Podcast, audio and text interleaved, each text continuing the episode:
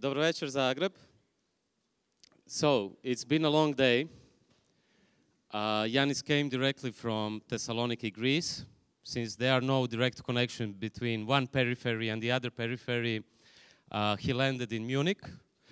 Uh, he missed a flight in Munich. And then Yanis called me and told me, okay, Srećko, what do we do? I have to come to Zagreb where I was 2013 before I became Minister of Finance. Uh, so Yanis was, Yanis was ready to take a car and to drive from Munich to Zagreb. I would prefer a motorcycle, but that's another matter. I think that we all know that, yeah. I know that very well. Uh, in the end, Lufthansa was so kind to provide another flight. I mean, they had a regular flight, and Yanis is here. But compared to this day today, the last three years uh, were even more turbulent. The last time Yanis was in Zagreb was in 2013. Uh, that was actually the first time we met. And that was the time when Yanis uh, was still the author of uh, a book which is even more relevant today after Trump's victory, uh, The Global Minotaur, uh, when he was still working for a computer company from US, a very big one. And he was a guest of the Subversive Festival. This was still the time when uh, Alexis Tsipras was not prime minister yet, and he was also the guest of that festival 2013. And only one year later, they became, both of them, part of the epicenter of Europe's crisis. Uh, during the six months of the Ministry of Finance, when Yanis was the Minister of Finance, uh, he was the one who exposed some institutions no one here in the room or in Europe knew actually they were existing, uh, like the Eurogroup, like ECOFIN, institutions, ordinary people in Croatia, which is also part of the European Union, which is easily to be forgotten as well here. Uh, no one knew about it. So I'm really glad that you came back home. This is our home, the Croatian National Theatre. Welcome back.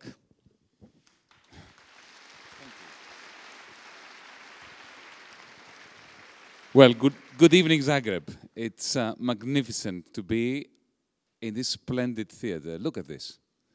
Um, if there is ever proof of the importance of public goods, the importance of public spaces, of public theaters, and of theaters that can be utilized in order to foment dialogue, debate, especially when our parliaments um, are not very good at it these days turning theaters into parliaments uh, and parliaments into theaters is, seems to be the way to go these days.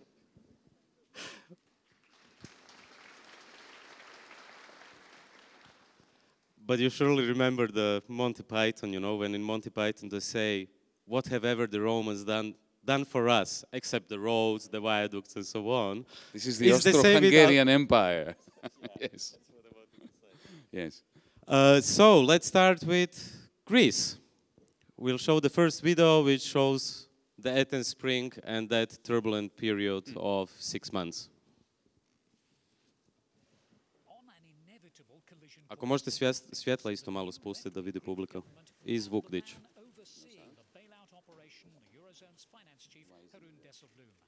Zvuk. Uglavnom našli su se Cipras i, i ekipa. A, stiže Djeselblom, čovjek kojega nitko ne zna izgovoriti, susreće se, vidite po njegovom licu kako reagira na susret sa Janisom. Može li zvuk? Vidite lice i dalje bez zvuka i dovoljno govori. And now you will see the famous handshake. Još glasnije.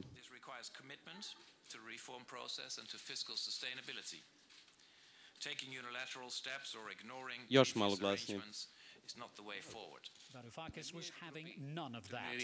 He accused the Troika of trying to implement an anti-European program, adding, we see no purpose in cooperating with this tripartite committee that the European Parliament has criticized as being built on a rotten structure. The news conference ended with an awkward handshake and Dijsselbloem heading back to Brussels, not looking at all happy, with apparently no idea what the Greeks will do next. Our correspondent says since 2010, Greece has received dozens of visits from the Troika as the Greek bailout program was implemented. Now the new finance minister has firmly declared those visits belong to the past.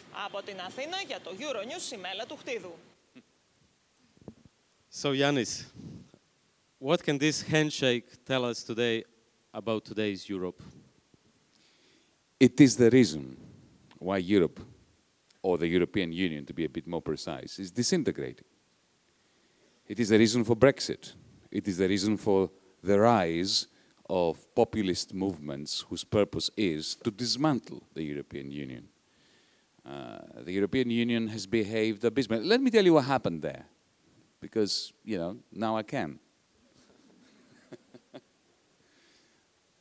Before we were elected, it was, this was on the 30th of January 2015. It was three days after I moved into the ministry. Three days.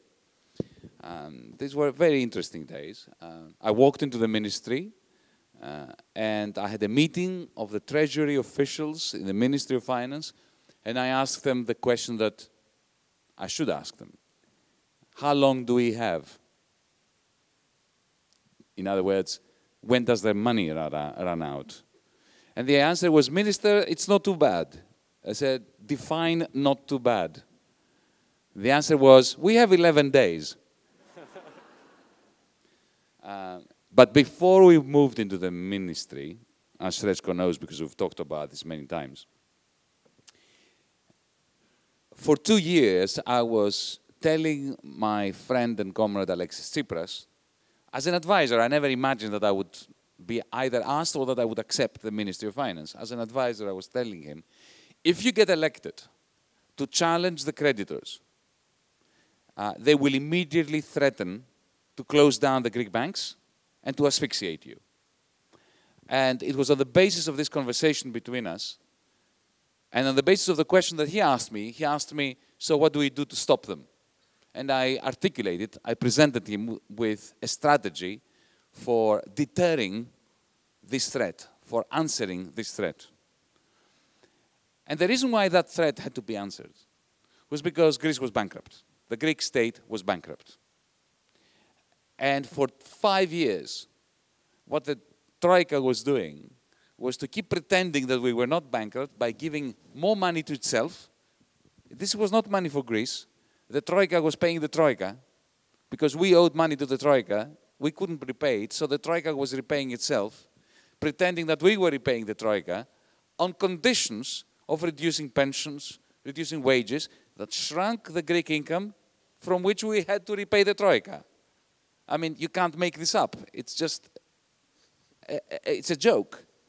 So we were elected on the basis of a very simple propo proposal to the Greek people elect us, to say to the Troika, enough.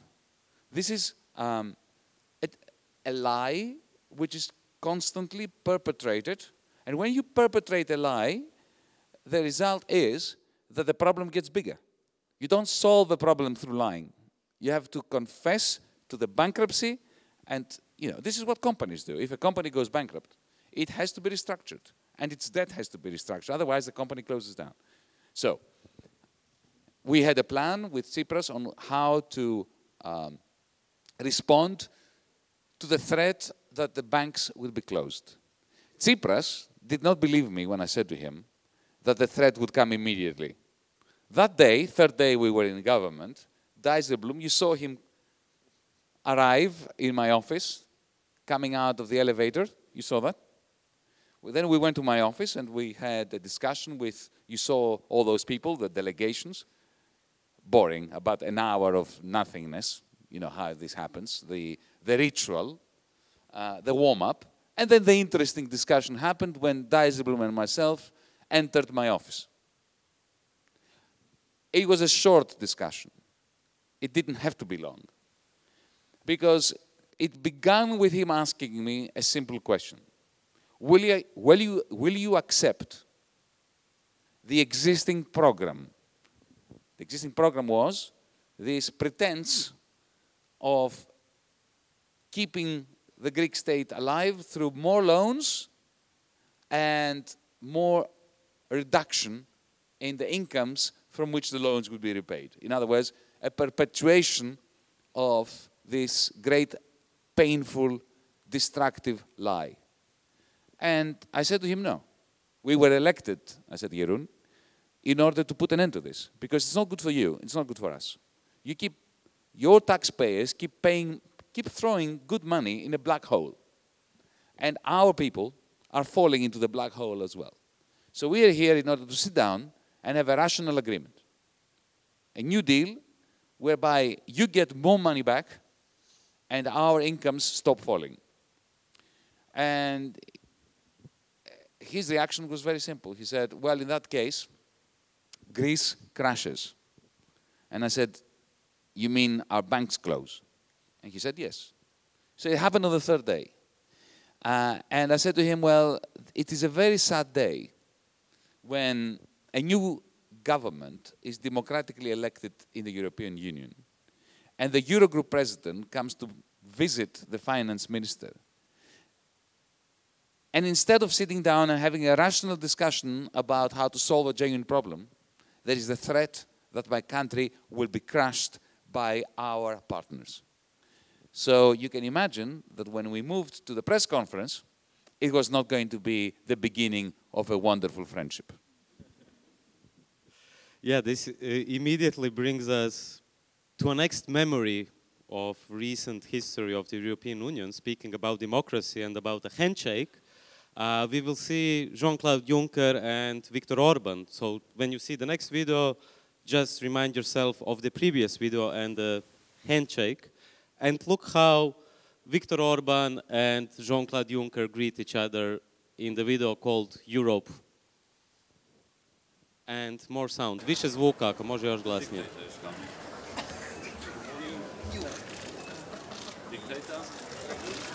Sa desne strane Jean-Claude Juncker uh, udara Viktora Orbana u glavu i kaže halo diktatore.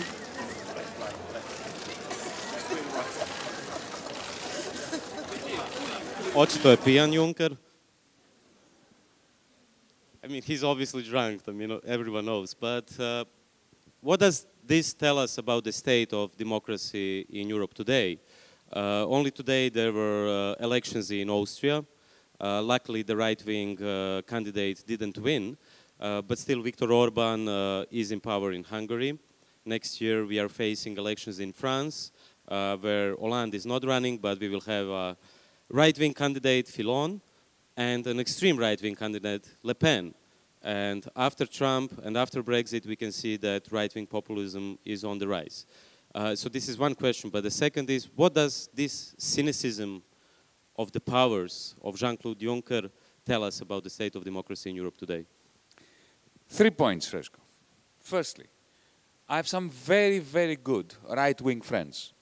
And indeed, when I was in the ministry, some right-wingers from outside Greece, and I'll give you an example, my friend Norman Lamont, who was a minister in the Margaret Thatcher very right-wing government, back in the days when as a student I demonstrated against them every day. And Norman Lamont has been an amazingly powerful force of friendship in my life. Why am I saying this?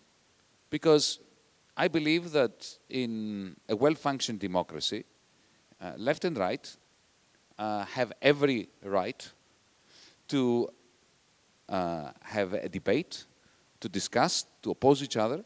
The problem with Orban is that he's not right. The problem with Hofer in Austria is not that he is a right winger. The problem is that they are verging on the fascist. It's not the same thing. Let's not mince our words these days. An explicitly racist campaign is being waged in Hungary, in Austria, in France with Le Pen. I have no problem with right wingers. Yeah, there are surely some problems, no? No, I have no problems. I have dis- disagreements. I have disagreements. I have very fierce disagreements. But it's one thing to have a disagreement, it's quite another to have um, a break in civilization. Because the moment you build a political career on the basis of spreading hatred, like Hofer and Orban have done, then suddenly you move away, you move away from the realm of civilization. That's the first point. The second point, I'll say something about Jean-Claude Juncker, since we saw him on stage. Jean-Claude Juncker is somebody, if you've, I followed his career for many years now. He's been, he was uh, Prime Minister of Luxembourg for many years, running effectively a tax haven. Uh, but he's one of those people who has, for whatever reason, had occasions in his life when he told the truth. This is not so common, you know, in the European Union. do you remember when the, the, the crisis began, the financial crisis in 2010? He came up with a magnificent expression because at some point, some journalist challenged him and said, But you know, you were saying X and now you're saying Y. And you know what he, you know, do you remember what Jean Claude uh, responded with? He said, Well, when the going gets tough, we have to lie. I appreciate this about Jean Claude, you know. Uh, then he said something else when, when he was being challenged about the policies that were being introduced in Greece. And he was told by some other smart journalist, one of the few honest and smart journalists. Sometimes they're honest but not smart, or smart but not, not honest. This guy was both. Um, rare. And he, he asked Jean Claude, he said to him, You know, um, your policies, they can't possibly work Mr. President, they? He was then president of the Eurogroup before Dijsselbloem. And he responded again in a magnificently honest way. He said, um, We know what needs to be done, but we do not know how to do it and get re-elected. So I appreciate Jean Claude. I do not know why, but occasionally he speaks the truth. Uh, he says dictator to Viktor Orban. Yes, and he said, hello, dictator, to Orban. so there are good things about uh, Jean Claude. But let me tell you what is the greatest concern for everyone you, as Cro Croat members of the European Union, as Greeks. Once upon a time, the European Union Commission, of which Jean Claude Juncker is the president, seemed like the government of Europe. When, Jean, uh, when uh, Jacques Delors was the president of the Commission, he was a man of authority. The Commission played a very important role. It was almost the government of the European Union. Today, the European Union Commission is irrelevant. Let me share something with you. The worst moments in my negotiations in Brussels came when Jean Claude Juncker wanted to help me. Because every, and there were some genuine times when he wanted to help the Greek side. And you know why were, these were awful moments? I knew every time I saw him trying to help me, I thought, oh my God, this is a nightmare. Why? Because I knew that the real power in the European Union, guess who it was? Would punish me, would be harsher towards me than normal, in order to demonstrate to Jean Claude Juncker that he does not have the right to intervene. And of course, the power behind that was Wolfgang Schäuble and uh, the real authority in the European Union, which is the Eurogroup, not the Commission anymore. Now, the tragedy about that is that the European Commission is legally the government of Europe, or the nearest thing we have to the government of Europe. The Eurogroup does not exist. It is not legally present. It is not part of the law, of the legal framework of any of the treaties of the European Union. It is an informal gathering that has supposedly no powers, and yet it has all the powers. And this guy, our friend Jean Claude Juncker, is there as a figurehead. So we've reached the stage where our European Union, our cherished European Union, and I mean that in a non ironic way, has a figurehead and a commission supposedly running it that has no authority, no power.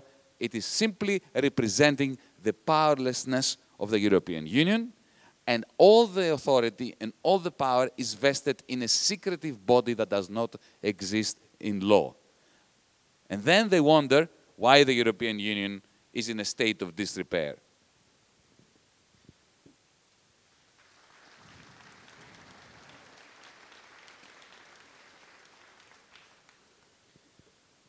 Once upon a time, there was a country which entered this community in disrepair.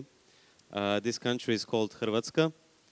And let us remind ourselves of the glorious days when Croatia entered the European Union.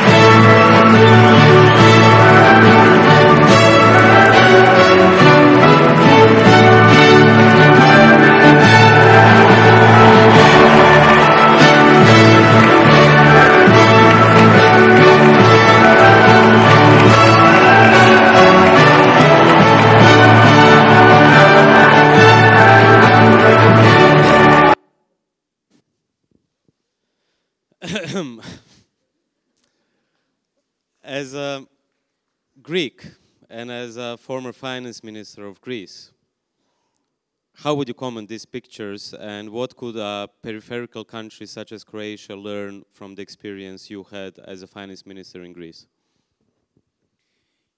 I understand the emotion. I understand the feeling. I understand the celebration of entering the European family. We had that.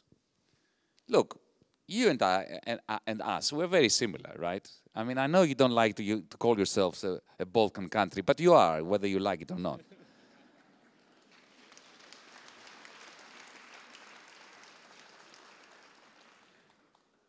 I remember when President Valéry Giscard d'Estaing of France came to Greece for a similar ceremony to celebrate the induction of Greece to the European Economic Community, which was the predecessor of the European Union.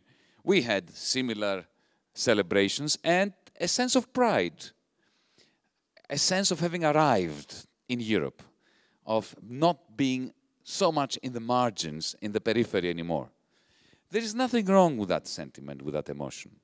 The trouble is that we of the margins entered the European Union, and then the core of the European Union started crumbling.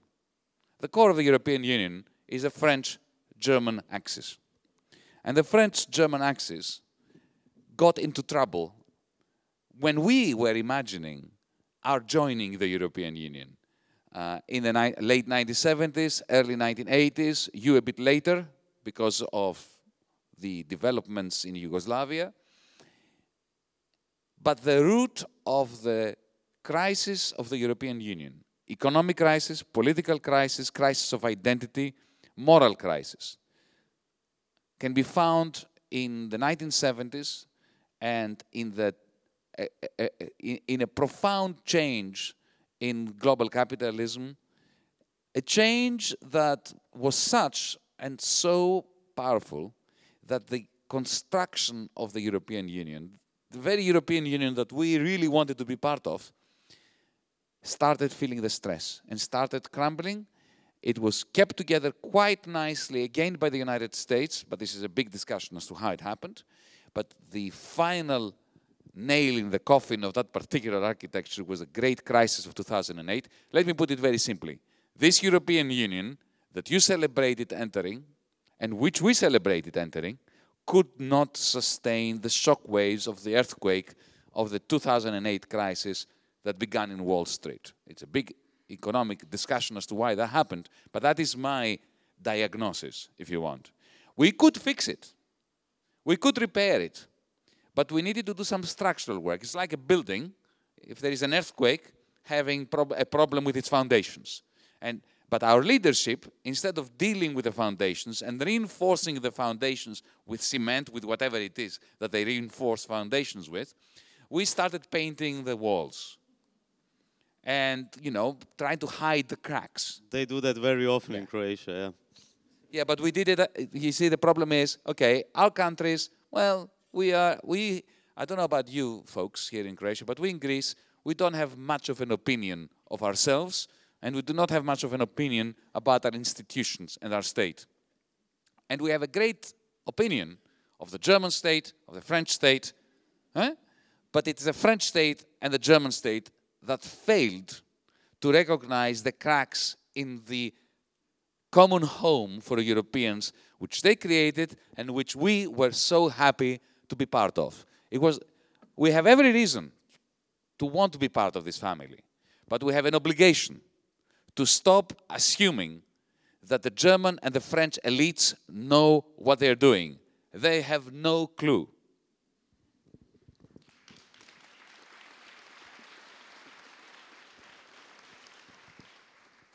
So let me pose a more serious question before we come to revolution.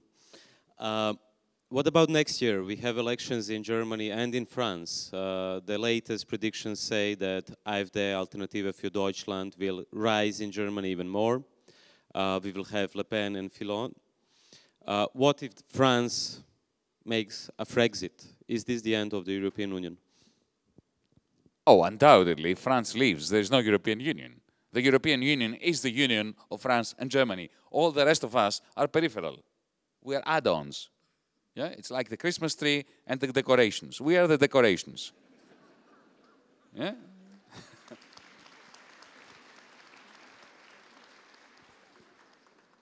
Look, no one can accuse me of being a fanatic supporter of the European Union. But if France leaves and the European Union collapses, there's going to be gigantic human cost throughout Europe. We must prevent that from happening. My great fear is not so much that Marine Le Pen will win the next French presidential election, even though the establishment in Europe is working very hard to make sure that that happens. Just like the establishment in the United States uh, were being so idiotic that they made sure that Trump would win. Not that they wanted Trump to win, but they were so stupid that they made him win. And they are perfectly capable of doing this in France again. But I, even if she doesn't win, which I don't want her to win, for God's sakes, right? The problem is that unlike in the 1930s, when fascists were winning elections or taking over countries, my country, your country, various countries, the problem now with fascists is that they don't have to win government to be in power.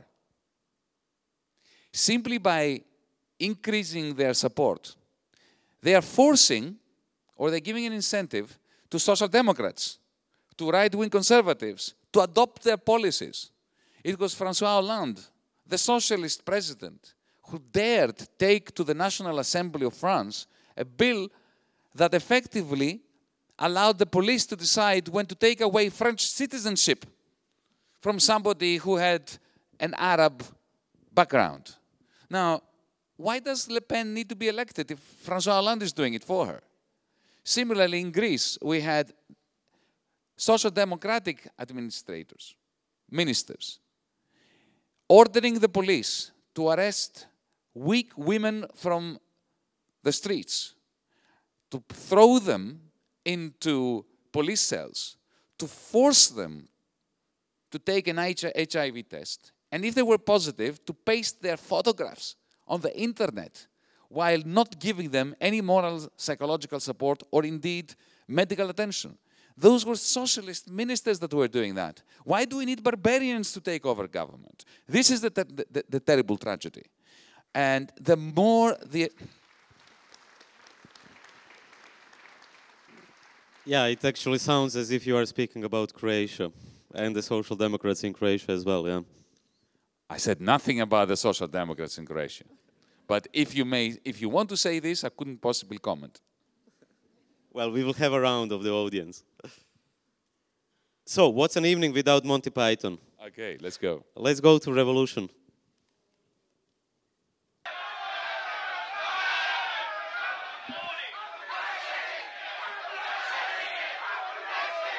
Please, please, please listen.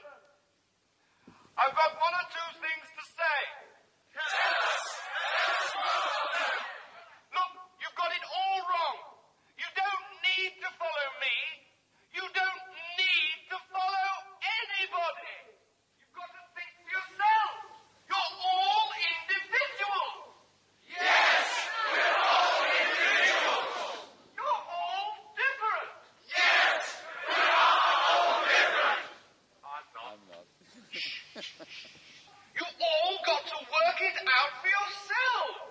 Yes, we've got to work it out for ourselves. Exactly. No, that's the point. Don't let anyone tell you what to do. Otherwise, out, no.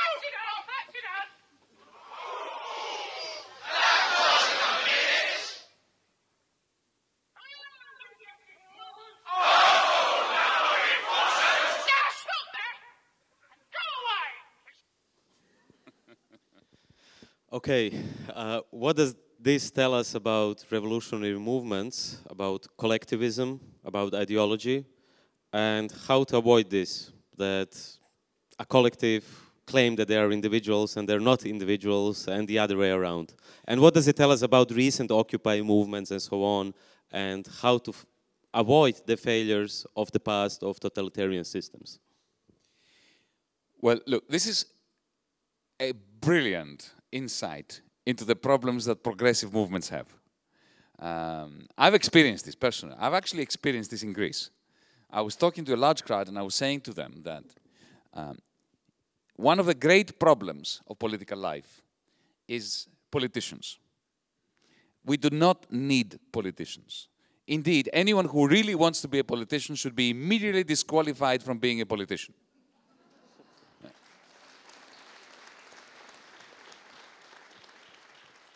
Political work has to be done. Somebody has to do it. Somebody has to be a minister. Somebody has to be a mayor. But you should do it as something that you hate doing. It should be a chore, as the English say. Something that you do, uh, and you're counting the minutes until you stop doing it. It's you do it as a service to the public, but you, you you're counting the hours for you to stop doing it and go and write a poem, or you know, go to the beach with your children those people who really love being ministers are very, very dangerous pe- people. You should only do it because it is your duty to do it, and you do it for a specific period of time, and then you get out of the way. And therefore, politics is only progressive to the extent that those who lead lead for brief periods of, of time, and their purpose is to empower the demos, the public to take matters in their own hand, to, to, to use your political power, the power of your office, in order to transfer it to those people whose lives will be affected by what you're doing. And therefore, you need to have a participatory political movement. So I remember giving a speech and saying all those things and explaining that we are not going to make serious progress in Greece until and unless there is a participate, participatory democratic movement like the one we're trying to create with DiEM25, uh, where there will be no top-down policy making. Policy making will be done collectively in a participatory manner. And somebody said to me from the audience, yes, we need you to do this. I thought, what have I been saying all this time? this is exactly it. exactly that moment. But so there is this tension. Uh, and I think the golden rule, the right mix, is you need politicians who don't want to be politicians, but who are willing to sacrifice a part of their lives, a period of their from, from, from their career in order to create the circumstances for a demos to come into being through policy making at the collective level. It is not easy. But then again, democracy was never an easy endeavor. It is the most fragile of flowers. It's so easy to step on it, to trample on it, to destroy it. And yet, it is the, the only source of hope in the political sphere. Yeah, we'll come back to DiEM.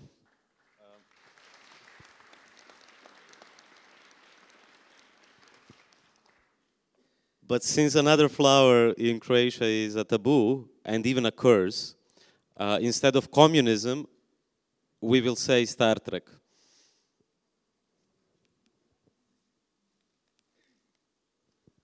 We will say it again. Communism? No, Star Trek. Yeah, that's the video.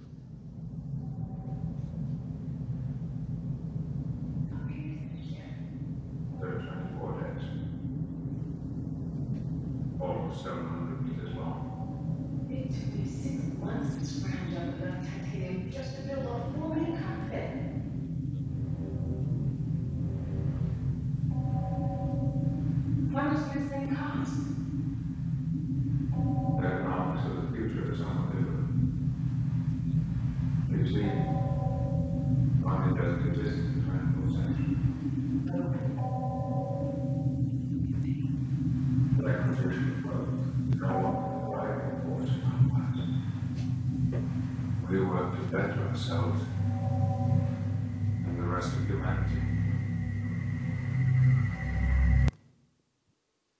Okay, we didn't really hear it. Uh, our apologies, uh, but that's why Yanis is here. Um, you mentioned several times that Star Trek is the best illustration of communism. Why? Well, think about it. No one works. There is no money. There is a hole in the wall that produces all the food and anything you need.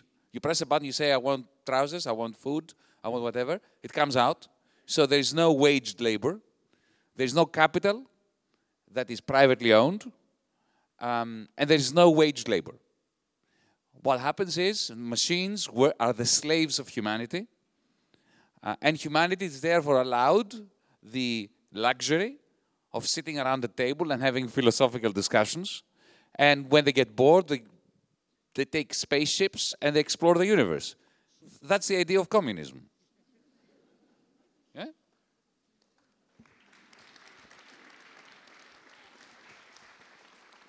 So, what about communism today? Do you think this idea, not communism as such, but today was Fidel Castro's funeral? Uh, we could speak for hours, not so long as Castro did in his talks uh, about communism. Uh, but do you think the idea of communism still has some strength and something to teach us and to change? Well, the word communism is very badly tainted by the experience of communism, which had nothing to do with communism. It, co- communism, in, in, where it was practiced, had as much to do with the idea of communism as the Spanish Inquisition had with Jesus Christ. Precisely no connection. Yeah. Um, but I think that what is interesting, Srećko, is I, I, I, I, I, I love Star Trek. You know why? Because it makes me think. It makes me think of the question of how do you define communism? How do we get there? And can we get there simply through technological innovation? I don't think we can. Simply through technological innovation. It is possible that technology is going very soon to make this communism possible. It is, it, you know, technological progress is so rapid that soon we were going to have robots that will produce other robots, that will produce our food, that will produce our cars, that they will build our buildings, that they will answer telephones, that they will be our doctors, that they will be our lawyers. Uh, most of those jobs are repetitive, they, they can be done by robots. Um, usually they look like robots, the people who do these jobs, especially accountants, you know. Um,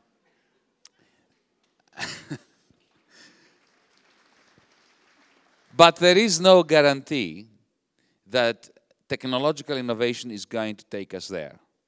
The problem is this in the capitalism that we live in, where machinery is owned by a tiny proportion of the population globally, the acceleration of the capacities of the machinery to produce are going to be bought at the expense of the many who do not own the machines and who are excluded from the retur- returns or the profits that the machines enable the owners of the machines to make. And if this is the case, then very, um, let me give you an example.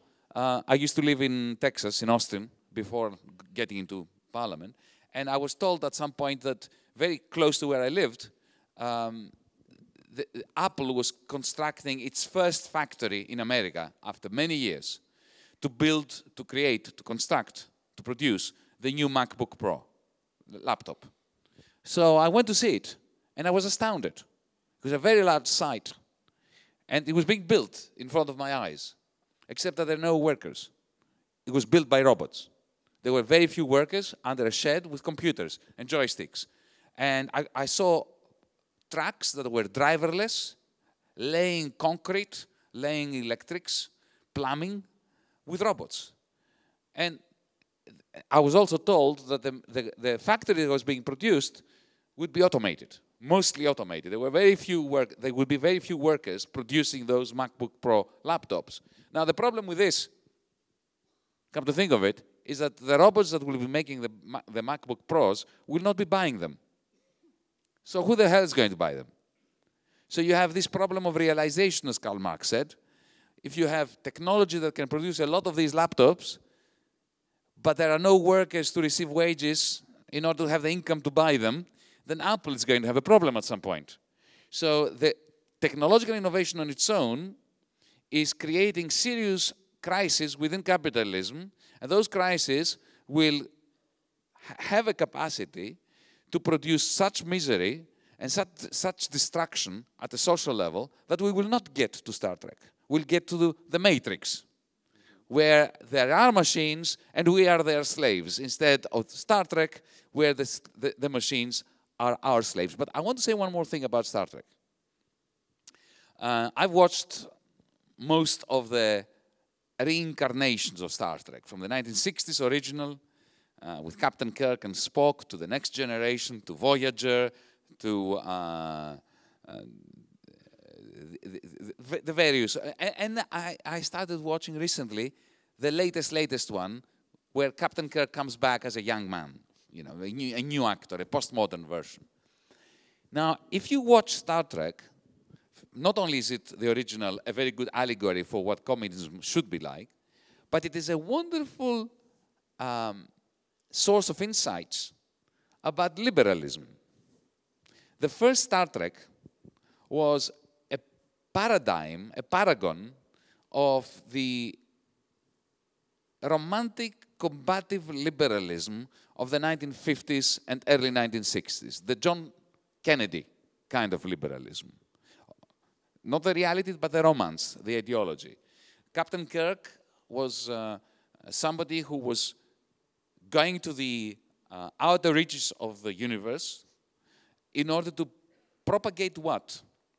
A kind of nuanced liberalism that defends freedom and understands that you're not free if you say yes, but you are free if you have the opportunity to say no, and yet you say yes. This reminds me of the Troika. The Troika was putting the gun on our heads with the banks, uh, and the fact that in the end Tsipras and the parliament voted for this awful package bailout uh, is no proof of freedom. It's proof of unfreedom to the extent that Tsipras was convinced that he did not have an option to say no. So the original Star Trek understands the importance of justice and the importance of choice, genuine choice as a prerequisite for freedom. Neoliberalism does not. Neoliberalism assumes that if you've said yes, that it was a free choice. Uh, even if you are uh, so desperate that you have absolutely no opportunity but to say yes to an exploitative deal that is offered to you. If you watch the new versions of Star Trek, there is no such nuance.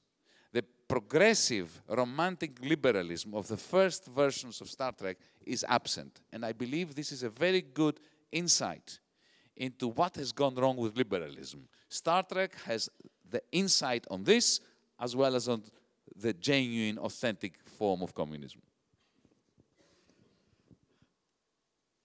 Well, this brings us directly into the heart of Silicon Valley. You've been there. There are some people here in the room as well from Google.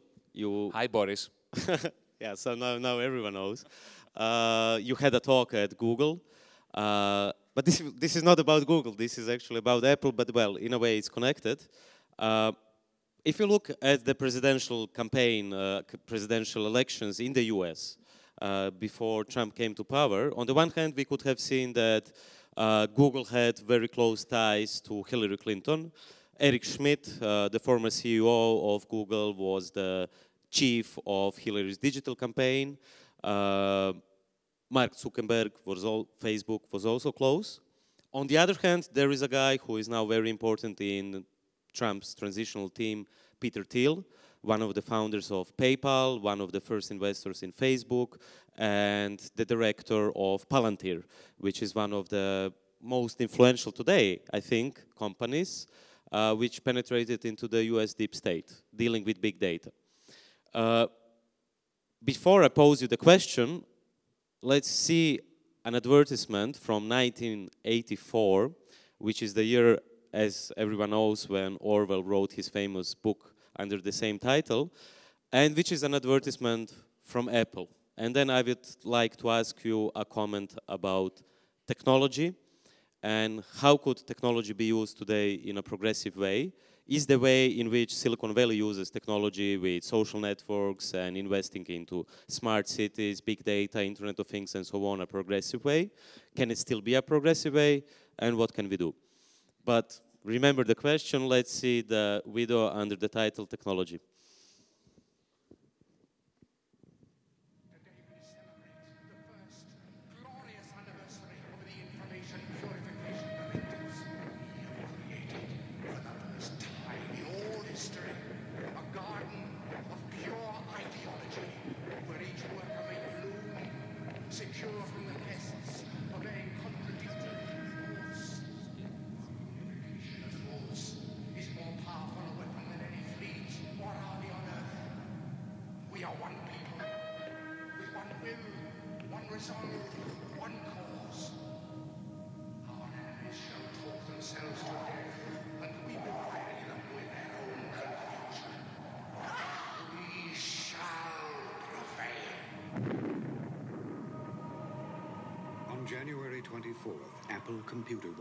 Will introduce Macintosh.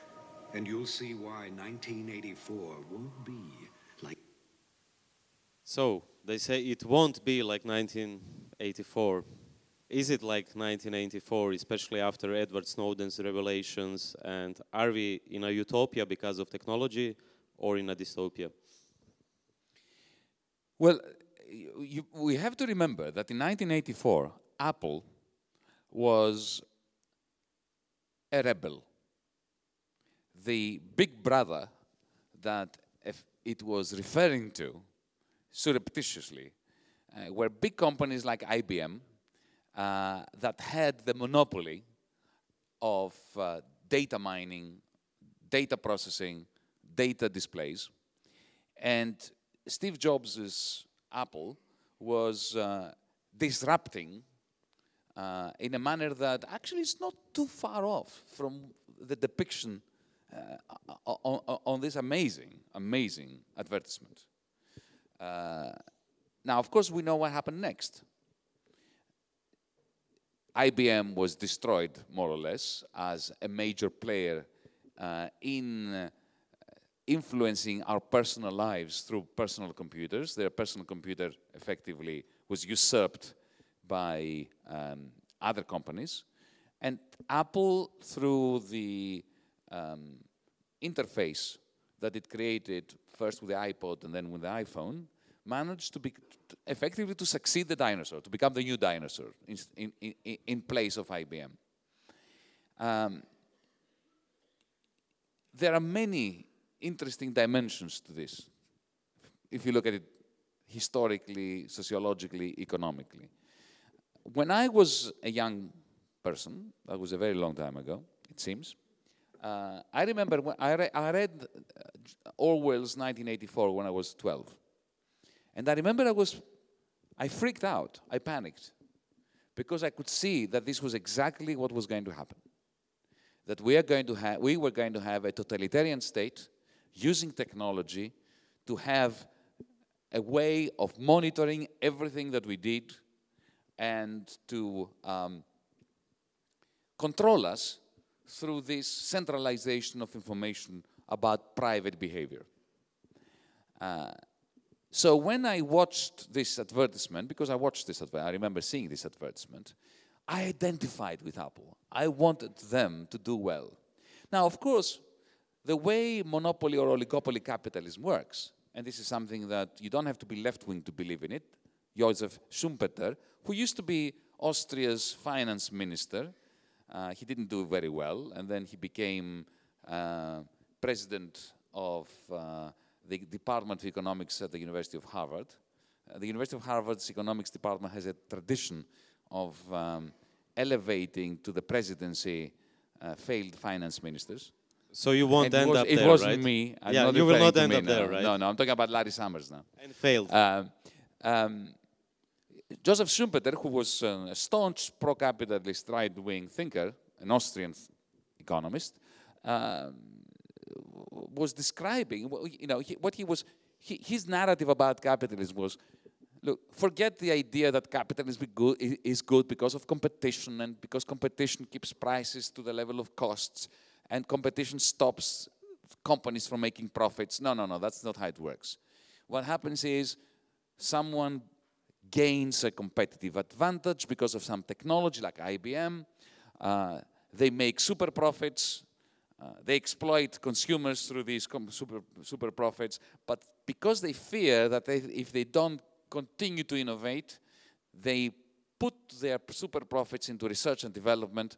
At some point, some startup like Apple comes up with a new technology, and the old dinosaur dies and a new one is created and then that dinosaur is uh, uh, disrupted by some new technology so it's a darwinian process of natural selection where you have the rise of conglomerates and then their fall and the rise of other conglomerates and we saw this with apple now they are where ibm were in the 1970s So do you think 1980s that Google and Facebook could also be in Of 10 course. years maybe in that position course, of, an old of course, dinosaur? Of course. No one is immu- immune to the evolutionary process. We are all dinosaurs, and at some point we'll all become extinct, uh, including corporations, especially corporations, because corporations are going to be disrupted by the very technologies they create themselves, which then find some other way to, to, to, to take different forms that they had not anticipated, just like uh, um, Google and Apple managed to usurp IBM. But let me tell you, what this is how I'm going to conclude. This uh, young girl who comes in there swinging that uh, hammer, releases it, and destroys Big Brother was not Apple. It was Julian Assange and WikiLeaks. When I found out what WikiLeaks was all about, the fear and the loathing that I had as a 12 year old boy disappeared. Because suddenly I realized what the solution to Big Brother, what the antidote to Big Brother is. It's hackers and people like Julian Assange who use the same technology as Big Brother, turning it against Big Brother. And what they do effectively is they create a digital mirror, which they turn to Big Brother. And suddenly, Big Brother sees himself, and we see Big Brother, and we expose using the same technology that Big Brother uses in order to keep tabs on us, as Edward Snowden has proven, in order to find out what they've been doing. And isn't this what has been happening in the last few years? And isn't this why Julian Assange is being hounded the way he is?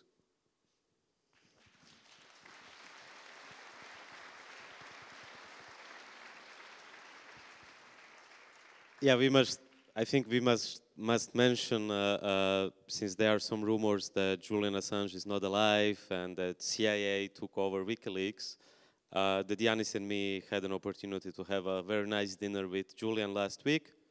Uh, although he still doesn't have internet and the situation is really dire.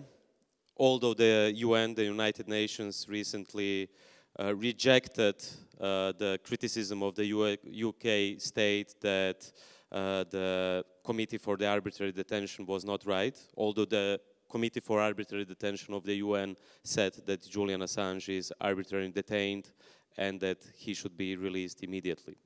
So, allow me to make one more point here. All my life, due to my grandmother, my father's mother, and my own mother, I was raised as a feminist, even as a radical feminist. And I'm going to make this point as somebody whose mother and grandmothers raised me in this way.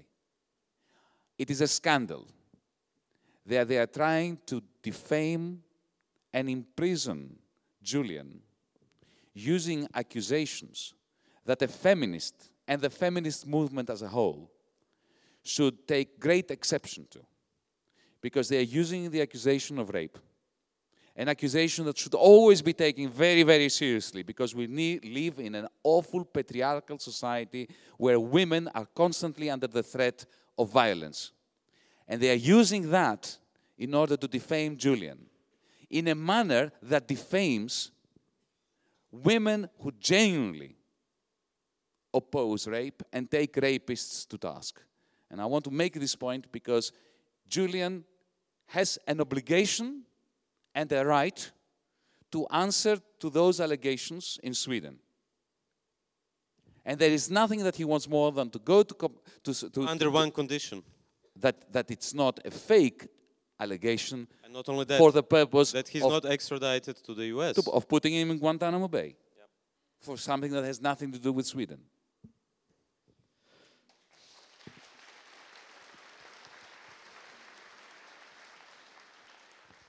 Speaking about whistleblowers, uh, the next thing you will see is not Monty Python, it's Putin's Russia. And it's about Snowden. Что касается господина Сноудена, я уже много раз говорил, мы не имеем к этой проблеме, ну, как бы прямого отношения. Вот он оказался на нашей территории. И, и, я считаю, что из-за непрофессиональных действий э, самих э, американцев, которые его пытались поймать, я же тоже в спецслужбах когда-то работал. Зачем они, зачем они напугали весь мир? Если они уже с самолета сажали принудительно с президентами на борту, то с, с господином Сноуденом на борту они могли посадить в любом месте. Они напугали все страны. Он прибыл в нашу транзитную зону. Дальше выяснилось, что его никто не принимает. Понимаете, в чем проблема? Если бы они бы не пугали никого, американские спецслужбы, он бы благополучно поднялся, полетел бы в какую-то страну, его по дороге посадили бы, он давно сидел бы уже в Зиндане там, парился в тюрьме. Значит, а они всех напугали, значит, он остался у нас в транзитной зоне, и, и чего нам делать? Ну, Россия не та страна, которая выдает за, э, борцов за права человека.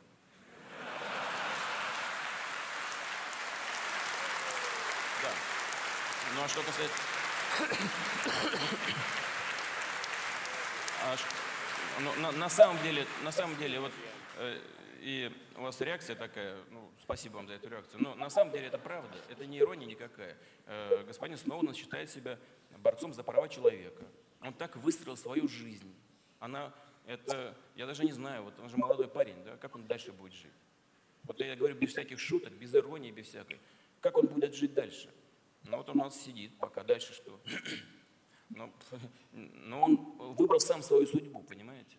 Э, Мы предоставили ему только убежище, и все. Он никакой не агент наш, он нам не, секретов никаких не выдал. Разбойник. Мог бы что-нибудь рассказать на самом деле. Мы все-таки ему убежище предоставили. Но он ничего не говорит.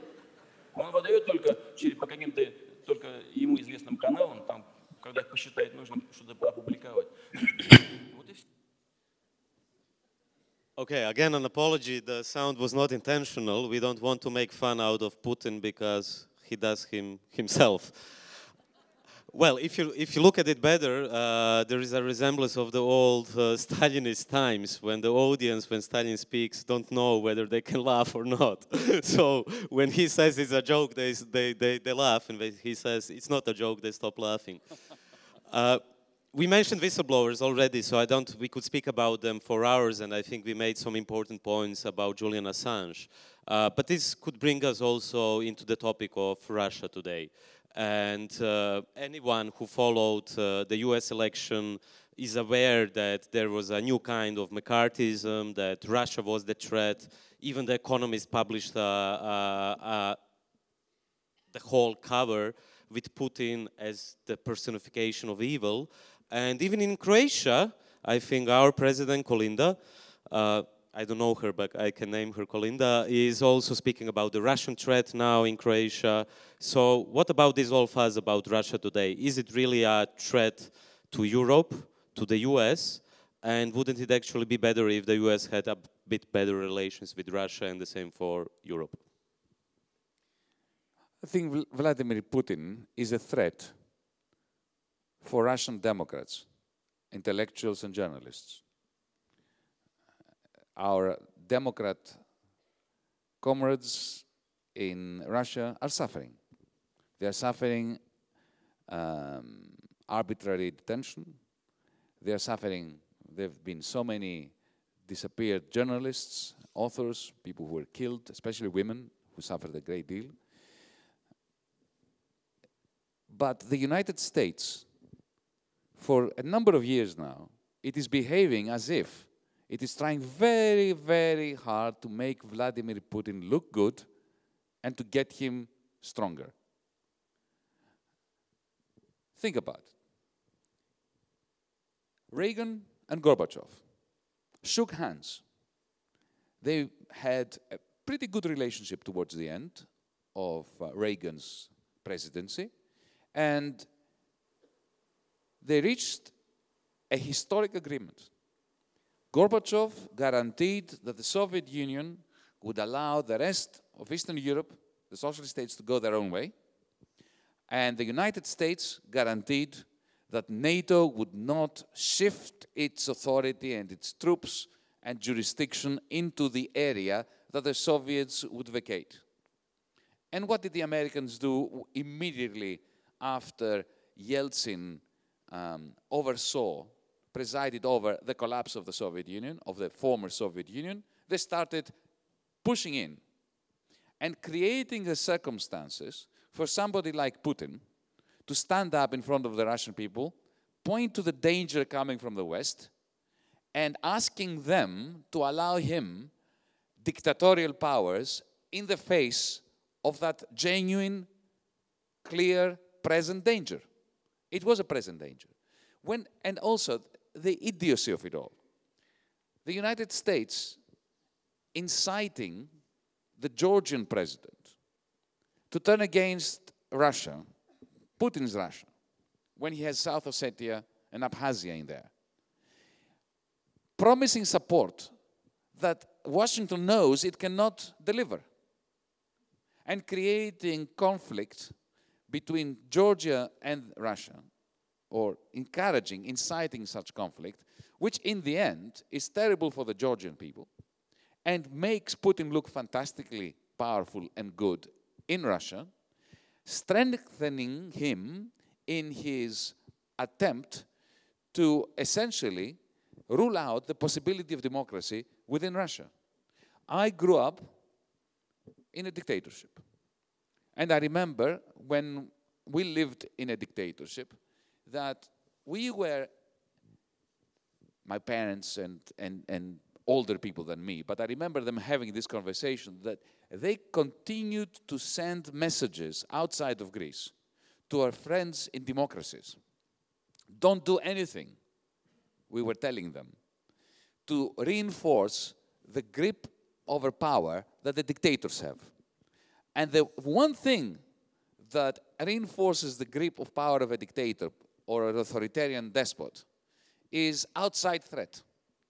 So by turning NATO into an expansionary force that goes deeper and deeper into the territory that it had promised, that the United States had promised they would not enter into, firstly, it is destabilizing geopolitically. Secondly, it creates an environment of conflict within the countries, countries like the Baltic countries, for instance, or Georgia, that is detrimental to the stability of those countries. And thirdly, it reinforces the claim that Putin has that these Americans cannot be trusted. And therefore, you've got to invest in me dictatorial powers over you against the outside NATO American threat. So, to cut a long story short, I do believe that it is time for the United States to stop encircling Russia, to stop encircling China, to stop trying to marginalize geopolitically and economically those two countries, so that Democrats in China and Russia can breathe more easily.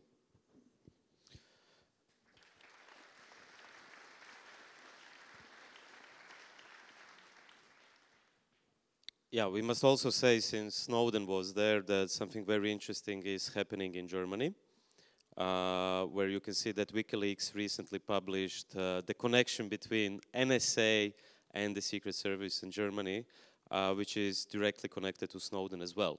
But we have to jump in order to allow some democracy in the room and questions from the audience. Uh, so before DiEM, we jump to Matrix.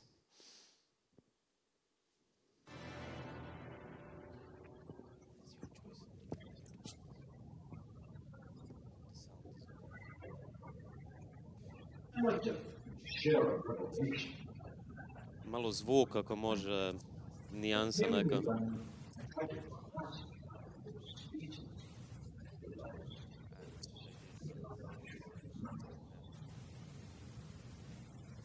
Every number is fine. It seems to be developed as a natural equilibrium, which is a one You will tell it. Move to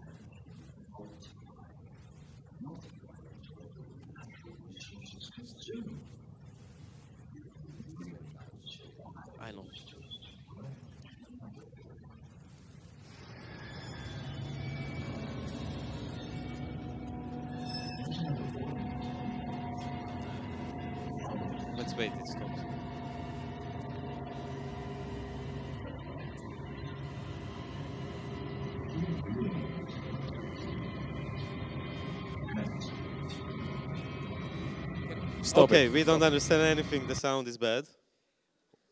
But let, let me tell you what, what's happening here, because I happen to remember this scene and it's one of my favorite. the Wachowski brothers. Um, Morpheus is the leader of the revolution against the machines. Agent Smith, the interrogator, is uh, the uh, anthropomorphosis, ap- anthropomorphosis, the, the, the human form of a machine that is uh, there to interrogate him and to get to extract information from him that will crush the revolution of humans against the machines, the machines that have taken over the planet and have turned the humans into their slaves, effectively. Uh, and Agent Smith, at that moment, before continuing the interrogation, wants to impose his moral authority over the human rebel. And he says to him, Let me share my view about humanity with you. You go from one place to another. Every time you settle somewhere, you destroy the environment that you have settled. And then you move on to another one. And then you destroy that as well. And then you move on again and you destroy it again. Do you know there is another organism on this planet that does this? It's called a virus. You are a virus on planet Earth, and we, the machines, are the cure. Yanis, you sound as if you could have acted in Matrix, I think. uh, okay, we could talk about it for hours, but I think uh, we are nearly approaching the. No, look, this is an important point. it is. Uh, because because you know we talk about economic rights, we talk about justice. We are a virus. Humanity is a virus. We're destroying the planet on which we live. We're stupid. We are sitting on the on, on a branch of a tree, and we're sawing it off, and we can't see that we'll fall. So when we, as DiEM, as progressives, when we are thinking about the very important um, policy of increasing investment, one of the great reasons, the great reason why Europe is in such an economic crisis, because investment is very low. Well, we have to find financial and economic policies to boost investment, but it better be investment in good stuff, investment into technologies that help the planet sustain itself and recover its poise. Because the way we have been doing investment in the past 300 years is destroying the planet, and Agent Smith is right.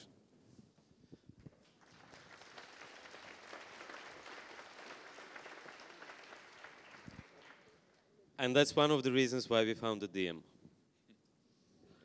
And this is the first time that we publicly present DiEM Democracy in Europe movement in Croatia. And hopefully not the last time.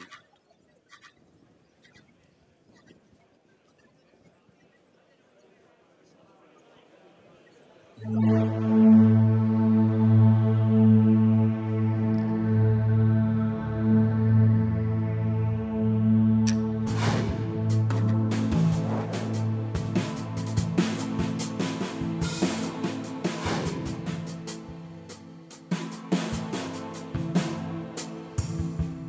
music is Brian Eno.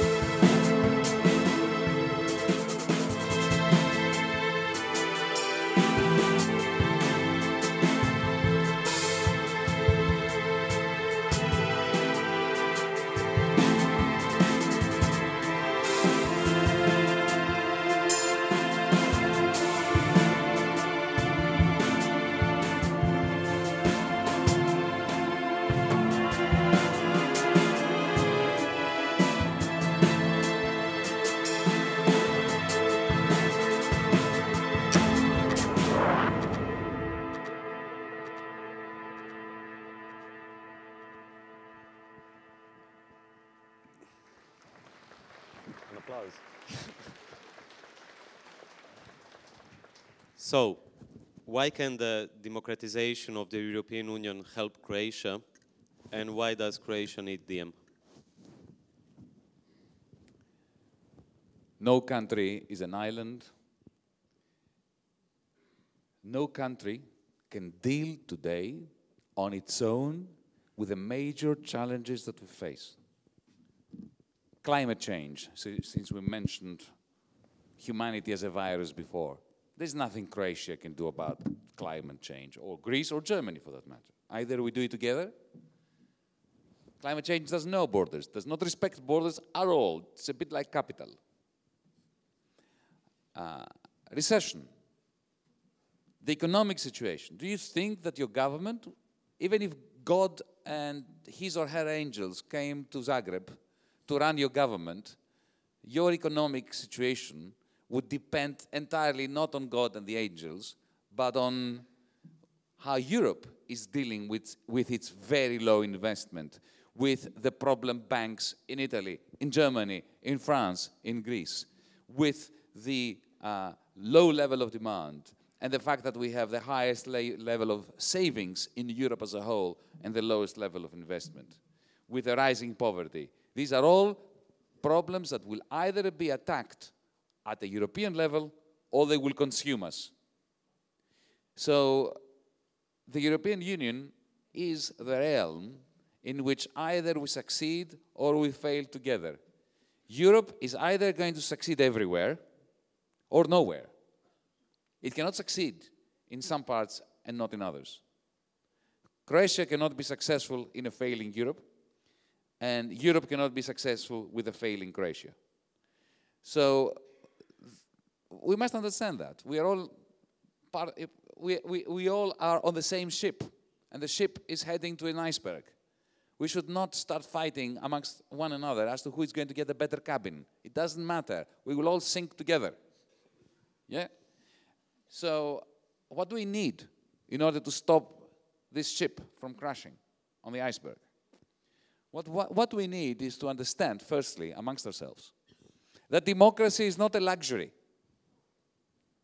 That it is impossible for Brussels, for Frankfurt, where the European Central Bank is, for the centers of power to come up with the right policies to solve Europe's problems without democratic process.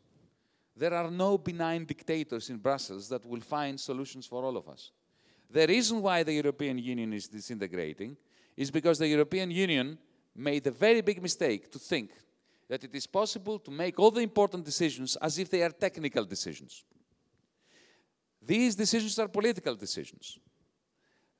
Monetary policy, investment policy, policy about taxation, about handling the rise of poverty.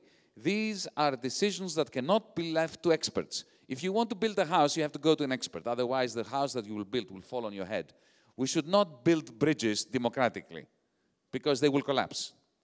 But the major economic issues can only be determined through political decision making that use experts as instruments, not as the agents that make the decisions. Therefore, democracy is a process, it's a terrible process, but it's the best of all available alternatives, as Winston Churchill used to say. So we need to democratize the European Union to return some rationality and some proper technocracy in the heart of Europe where decisions are made.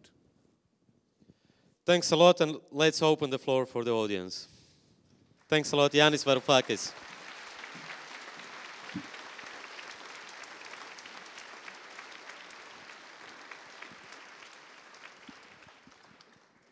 Ako možemo malo pojačati svjetla, I'm speaking about you in my Croatian language, like about your motorcycle. No, you can stand up, come on. Pitanja publike, imamo mikrofon na gotovo svim mjestima osim na balkonu gore. Ali možete skočiti dole ili se možete derat. Ako ima pitanja gore, krenut ćemo od vas. Ako ne, dovoljno je da dignete ruku, možete govoriti na hrvatskom ili na engleskom, postoji simultani prijevod. Bla, bla, bla, bla, bla, in Croatian, yeah? Uh,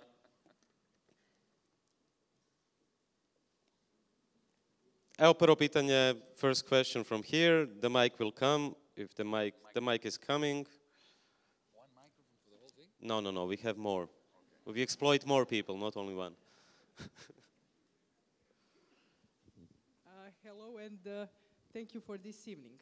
Uh, I come from uh, life sciences, so pardon me for my question. Could you please uh, summarize your suggestions for the what could because I read your interview in Večernji List uh, f- um, when you told that um, we should change and uh, something and we should do something, but in the About end, what? uh, Be a bit more the specific. situation. But Okay. uh, pardon me, but I did not understand uh, how exactly. For example, uh, I'm a mother, I'm an aunt, and I worry about my children and my nieces and nephews. How? What should I tell them about economy, and um, what can exactly an average uh, citizen do uh, with regard to this awful situation uh, we are living in in Europe regarding economy. Thank you.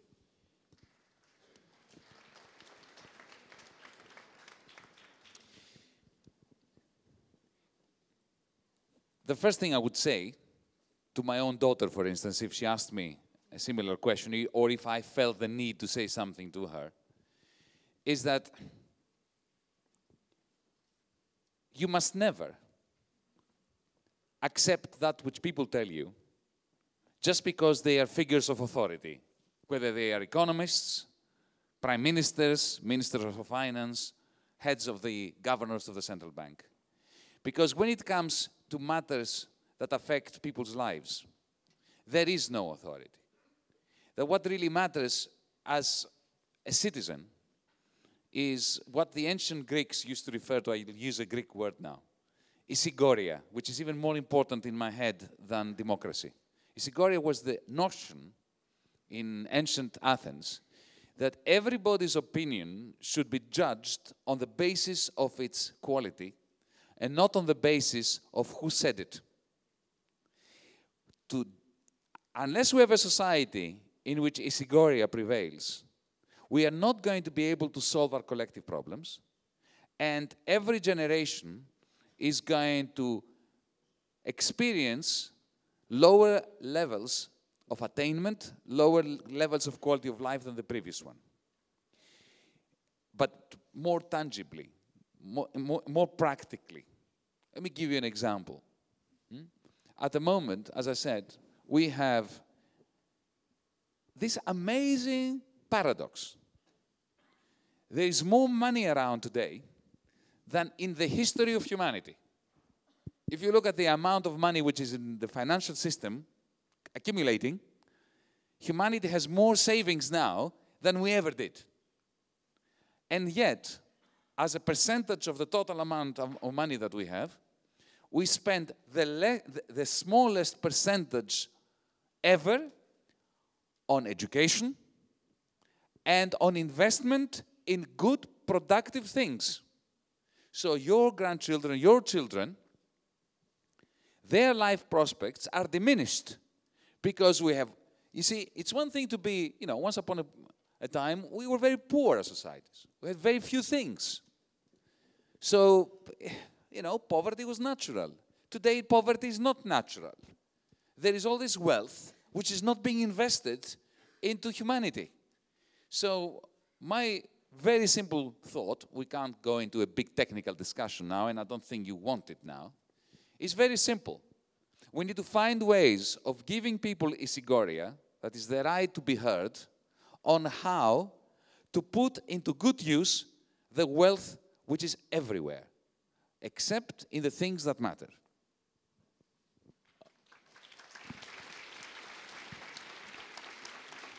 Uh, yeah, but I, yeah, alternative. I, I saw two folks there.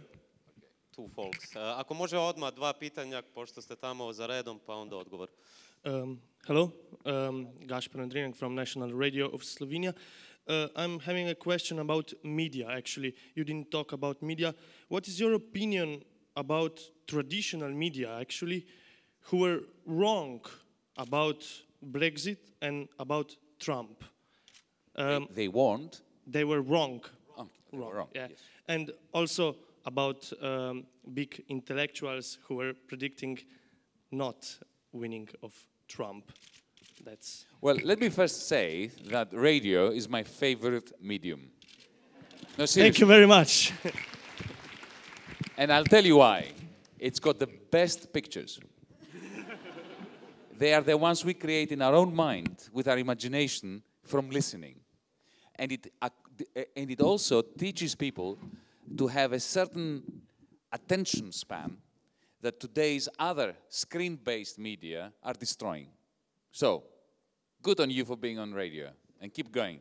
And I guess you'll get a special show on this radio or something like that. Uh, now, on the question of uh, the, the role of the media, look, uh, technology is uh, a challenge and a great threat. Because I'm not going to say anything that you don't know. Uh, the, the fact that now we have, each one of us has a capacity to be a publisher through our websites, our blogs, Twitter, Facebook, whatever, is fantastic. It's a greatly democratizing process. But at the very same time, we have to, to understand that there was a point in the old fashioned conservative newspaper which did what? It allowed you to have access in the short space of time that you have to read a newspaper or to find out what happened today, to access different opinions that have been filtered through professional eyes.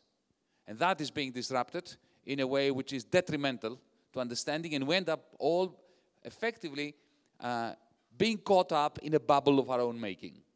So if I only use Twitter, I will only find out what people who like what I say think. And that is highly detrimental. Now, my experience of the media in the five, six months I was in office was one that leaves me with bitterness and a great deal of concern about humanity's future. The way in which, you see, let me put it this way. Um, those of you who are older remember what it was to, to, to, to, to live under, what it was like to live under a one party state with one party line.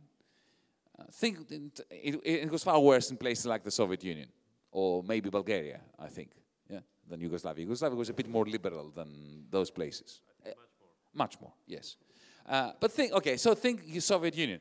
In Soviet Union, you had the Politburo party line. Suslov was giving the line. The line then was going to Pravda. It was going from Pravda to every corner of the Soviet Union. Every apparatchik of the Communist Party was mouthing the same nonsense. Yeah? Of course, no one believed it, but it was the same line. The media was telling the same story. And there was a KGB there making sure that anybody who didn't tell the same story would um, have a certain problem uh, reproducing their lives. Yeah? Um, these people, those ones who still survive, must be scratching their heads now and thinking, what idiots we were. Why did we need totalitarianism? Look at the West today. There are all these millions of different outlets, you know, all these uh, networks, and yet they say, they say the same thing. And there is no need for a Politburo.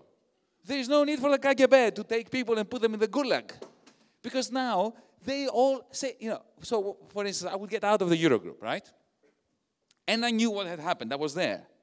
And I would come out and I would read in the Financial Times, Wall Street Journal, BBC, CNN, um, Le Monde, the same lie about what happened in the meeting in which I, I, I had just come out of. This tremendous capacity for a combination of diversity of the media and the party line. And then we wonder why people are, have had enough. We've reached a Soviet moment in the West.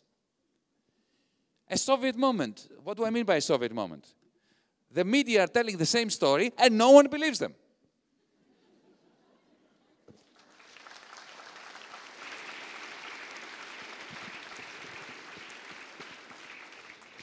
Uh, Christina Božic, uh, newspaper Večer. I would be interested um, in so the Slovenians sit at the same place, right? Yes, Okay. everybody. together. You can diversify as well if you want. Croatians won't hurt you. So is this a press conference now? We have the press. no, here. no, no, it's the Slovenians, you know. Like last time when we were here, Zizek and me were sitting there. So it's like, Go for it.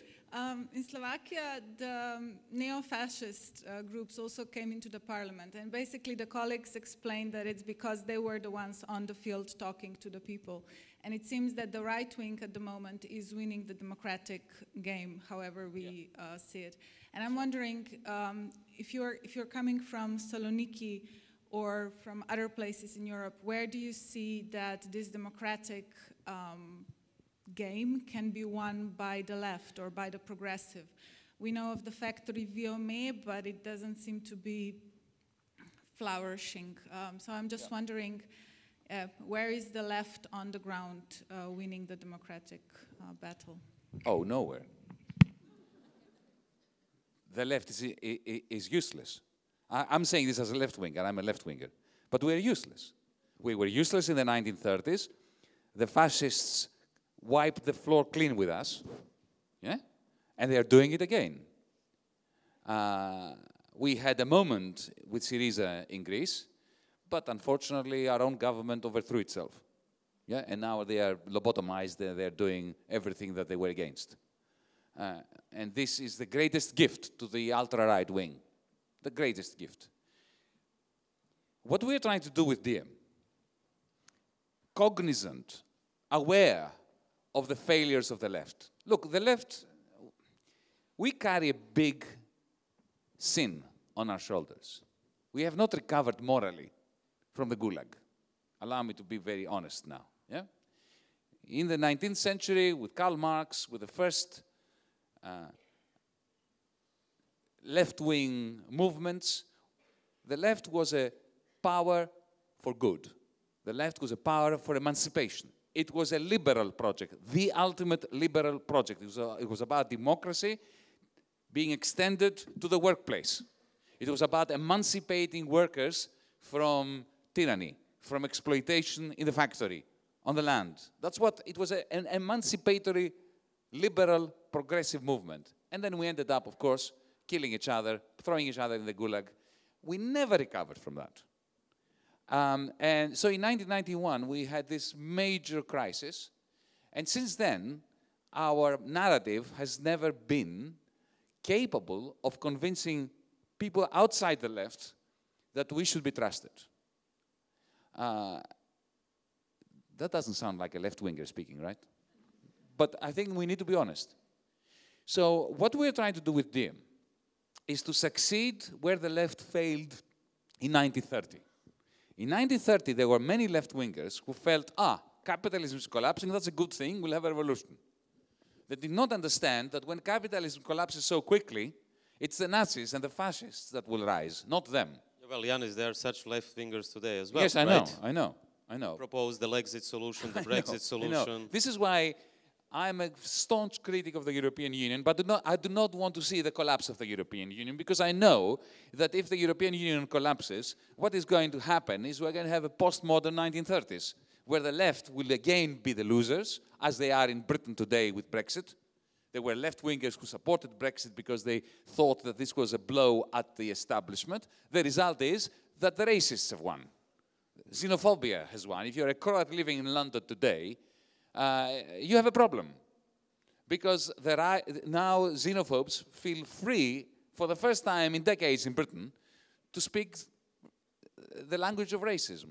So, what we're trying to do now with DiEM, as left wingers, both Srećko and I are not never going to hide the fact that we're left wingers. We're trying to reach out, to give our hands to liberals, to people who don't like the left, to progressive conservatives, to Greens, to feminists, to anarcho syndicalists, to whoever wants to join us in a coalition that will stop the rise of the Nationalist International that you're referring to and that will democratize Europe. Because let's face it, the establishment, hmm, David Cameron in Britain, Merkel, Dijsselbloem, whom we saw before, Juncker, the Clintons in the United States, and their supposed opponents, the Nigel Farage, UKIP, AfD, Le Pen, and so on, they seem to be opponents. But in reality, they are accomplices. One is reinforced by the other. And this is, one is not the alternative to the other. They are both different varieties of irrationality and inhumanity. The, unless we manage to create a broad coalition of Democrats, left wing, center, right wing, that's why I was kind to the right wing before, who have common principles about basic um, preconditions for civilization and for democracy. We need to get together to stabilize Europe, to make Europe again legitimate in the eyes of the majority, and then we can fight amongst ourselves as to exactly what we want to do in terms of managing the crisis of capitalism, whether we want to move towards socialism, you know, more market-oriented uh, uh, solutions, and so on and so forth. Okay, let's move to the stage. I can see one question there already. If there is no mic, do you have a mic or I have? I have a mic. There's coming. Ah, there are two mics. Too many mics. Yeah, the mic is coming there. One of the mics. Too many mics. Thank you very much.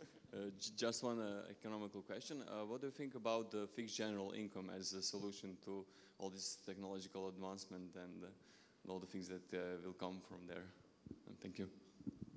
Well, I've written articles and given speeches on this, and I think you know about it. That's why you are asking cheekily, right? You just want me. Do you know about it or not? Do you know about my position? Oh, good, good. You said it's a genuine question. The question was, what do I think about the idea of a universal basic income? The idea that every citizen should have the right to a minimum payment every week, independently of whether they are rich, poor, hardworking, lazy, whatever. Uh, this is an idea that I first came across in the 1980s. Uh, I had friends who came up with this idea, people like Philippe van, Pa- van Parijs at the university, the Catholic University of Leuven in uh, Belgium, and, and others. Um, and I was not in favor of the idea back then, on the basis that uh, we should receive income in proportion to our contribution to society, to our work. And if we can't because of some misfortune, because we're unemployed, because we're sick, or whatever, or weak, then we should be looked after on the basis of our need, on the basis of the welfare state. But I've changed my mind since then. And I've changed my mind since then because of what we were saying before technological innovation. Techno- technological innovation is today coming to the point where hundreds of millions of jobs are going to be lost due to disruptive technologies that will replace human beings with robots. And the new jobs that will be created, for the first time in the history of capitalism, will be far fewer. Up until now, when the steam engine was invented, when the car was invented, many jobs were lost. Those who were looking after horses and, you know, ironmongers and all that, they lost their jobs. But a lot more jobs were created for people working in petrol stations, building roads, building cars. So in the end, the disruptive technologies were increasing employment, not decreasing employment. Now we are facing for the first time the technological progress um, pace that will create a lot more unemployment than employment.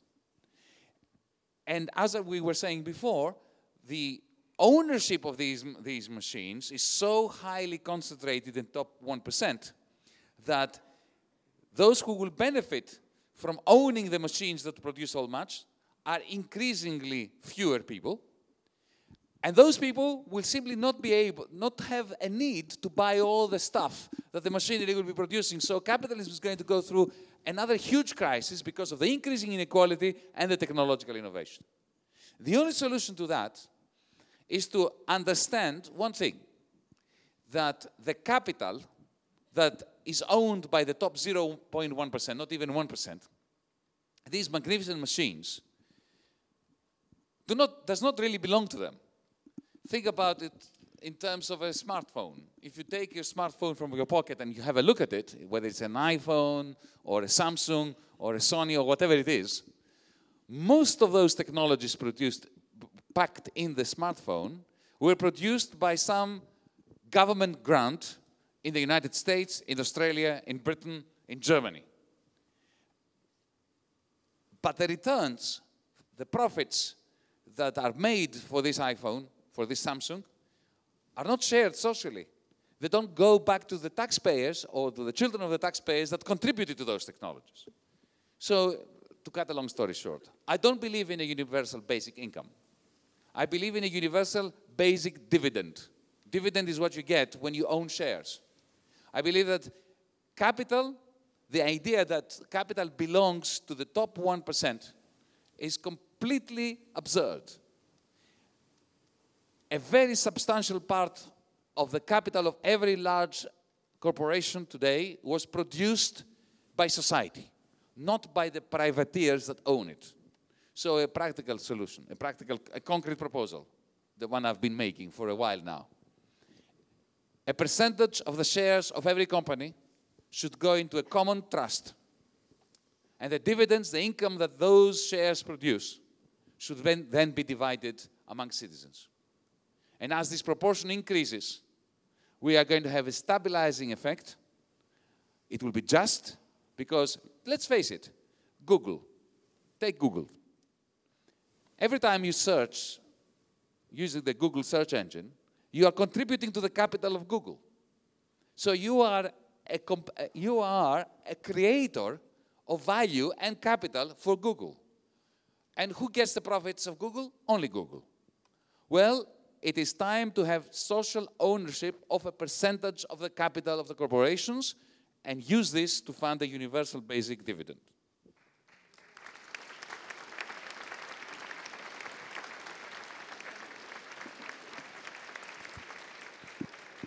Yeah. Castro died, so we can now we can go on for hours. Uh, we take one. By the I'm, way, I, am kidding. You're not like did you Castro. hear that? Did you hear that Musk agreed with what I said? Yes. Yes. Elon Musk, Tesla Motors. So The the, future is here. We take one question here, and then we jump to the lady in the white. Uh, What about the poor people at the top there, ne- next to the ceiling? Yeah, this is our problem today. I think we don't have a mic, but if there is a question, I will come with the mic upstairs. It will need like 10 hours, and I can go to the toilet. Maybe they the can meantime. jump down. No, no, no, No? that's not really. They do that in Foxconn, right? They jump. No, no, no, that's a bad joke. Don't jump. Ima pitanje gore. Može bez mikrofona. Ajde, probajte.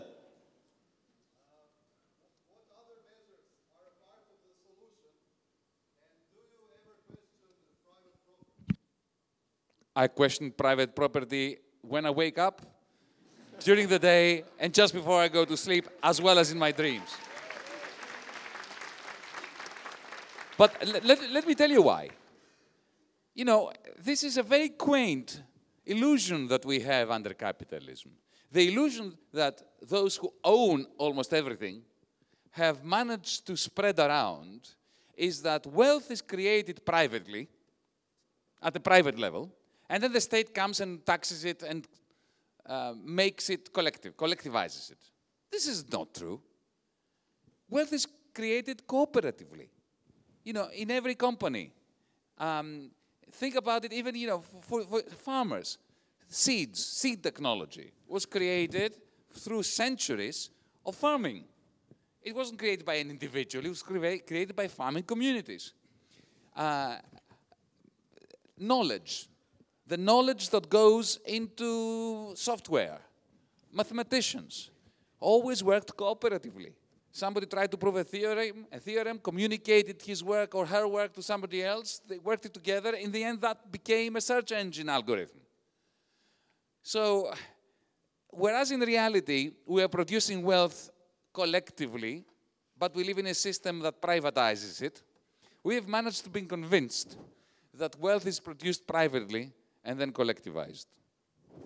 A question from the balcony on that side first. The mic is already there. I see your hand, but then we turn to the stage, and then who knows? Please.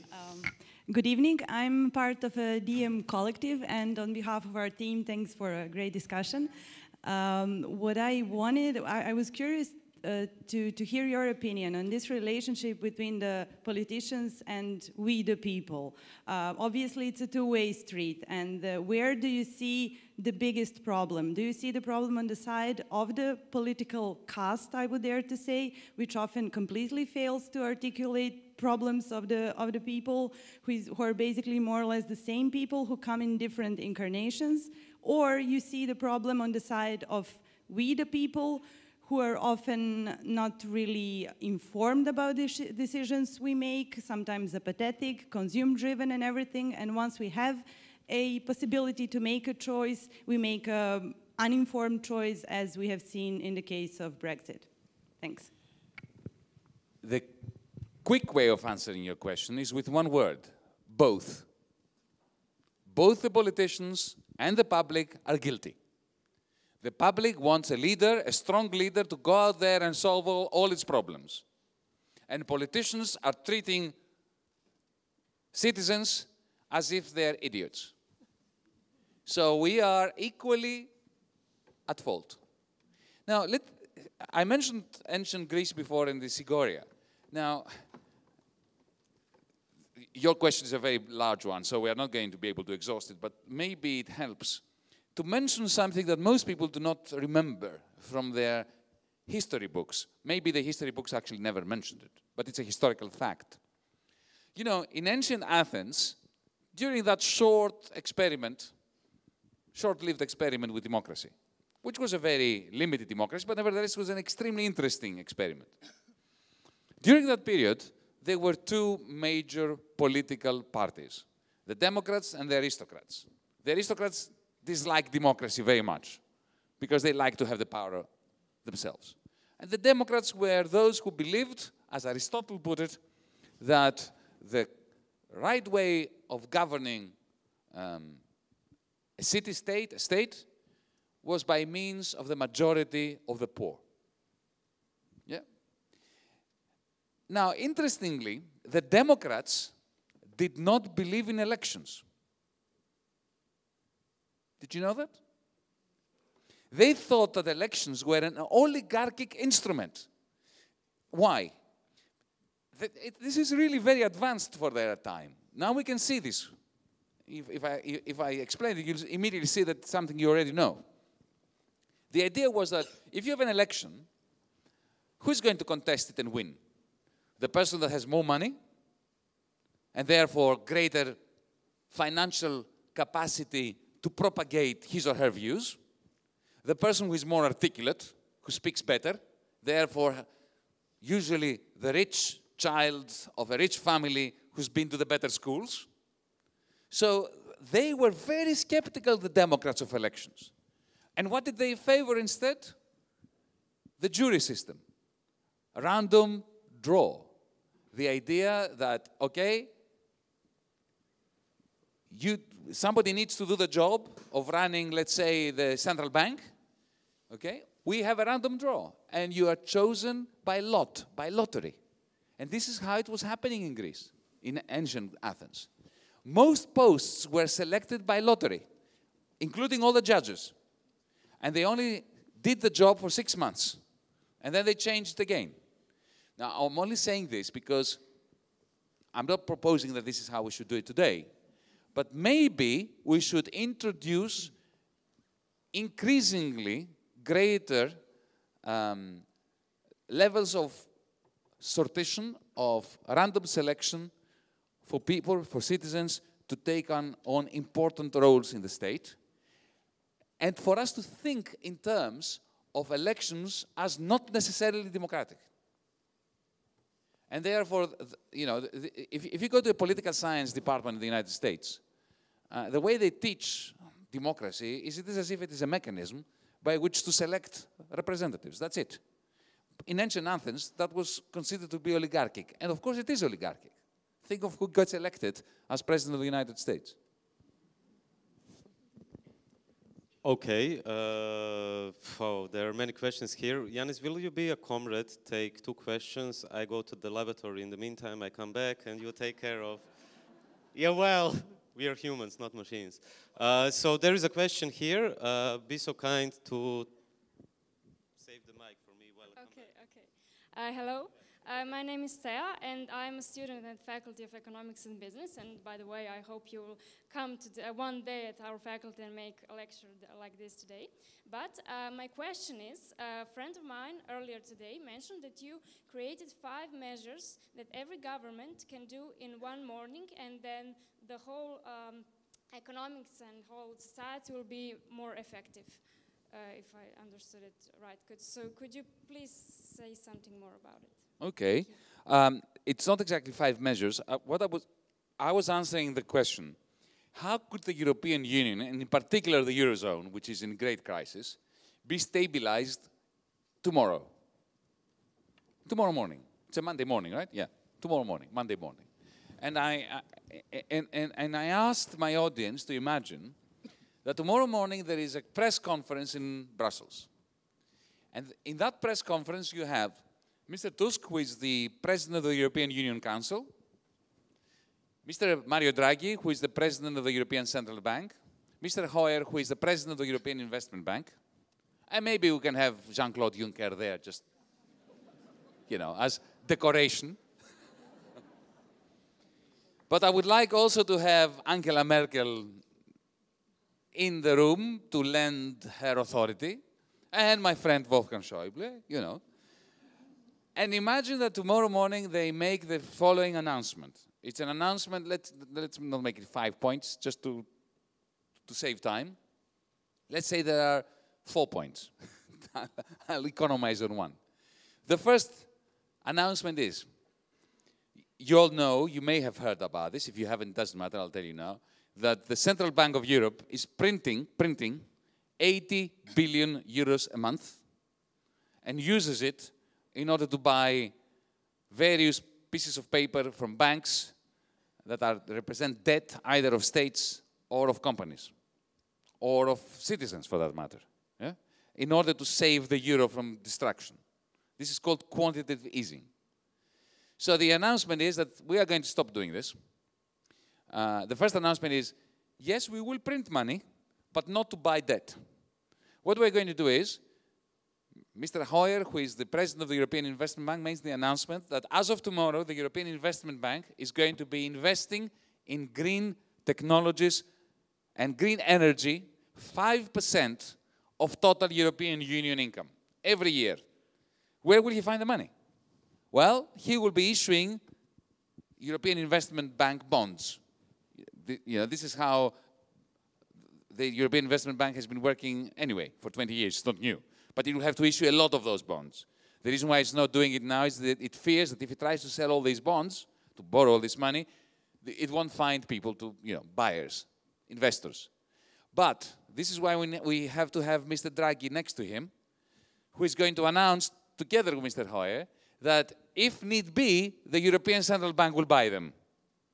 To make sure that everybody will want to buy them because they will think, well, you know, this is a safe bet because if I buy it, there is always going to be, be, demand for this. I can always resell it if the central bank is supporting it. And the whole point is remember, in Europe today, we have 2 trillion euros that is sitting in bank accounts doing nothing. The owners of that 2 trillion want to purchase EIB bonds, European Investment Bank bonds, if they, the European Investment Bank has the support of the European Central Bank. And the beauty of this is that the European Investment Bank takes this money, which is sitting there doing nothing, and plows it into investments into good quality jobs in the green energy, sustainable technologies um, sector. Okay, so that's announcement number one. Now, announcement number two concerns the debt of countries that are stressed in terms of debt. Like, well, Greece is the obvious example, but Italy, Spain, hmm, France, they all have well above the level of debt that the Maastricht Treaty of 1992 envisaged. Let's say that we do something really very simple. That's the second announcement. We split the debt into two parts the part that we were supposed to have and the part that we were not supposed to have. Let's call it good and bad. The good debt and the bad debt. Okay? Or the blue debt and the red debt. Black and yellow, it doesn't matter. Good and bad, let's say. And let's say that the, part of the announcement is that from now on, the European Central Bank is going to help governments service the good part of their debt, the part of the debt that they were supposed to have, not the bad one, the good one. And how will it help them do this? By issuing its own bonds. So the ECB borrows on their behalf. It doesn't print anymore, but it borrows from investors who are dying to, fi- to, you know, to, to, to lend to someone, to somebody credible, like the European Central Bank, on behalf of Italy, on behalf of Spain, on behalf of Greece. And it is Italy, Spain, and Greece that repay those bonds issued by the European Central Bank, but at much lower rates of interest because the European Central Bank will effectively be acting as a go between the, the government and the investor. Announcement number two. Number, an- announcement number three. All the profits that accumulate within the European system of central banks, and it's a lot of money, will be used to fund a poverty fighting scheme. They will go into a fund that is going to be sending checks signed by Mario Draghi, the president of the European Central Bank, to every poor family across Europe so that they can use this check not to go and gamble it at the casino, but at the supermarket to buy food for their kids or for themselves. This is not a new idea. It happens in the United States. It's been happening since 1965. It's called the US Food Stamp System. And it can be financed fully from the profits of the European Central Bank, which now end up going to governments when there is absolutely no reason why that should be the case. So these are things. Imagine if there was this press conference tomorrow morning in Brussels and these announcements were made the atmosphere in Europe would change immediately. Suddenly, you would have optimism. Suddenly, you would have investors investing more because they think, ah, Europe has gotten its act together. Suddenly, we would have hope replacing fear, and the dream of shared prosperity will have returned to Europe. We can do it tomorrow. There's nothing, you don't need European new treaties, new rules, anything. You just need the political will to do it.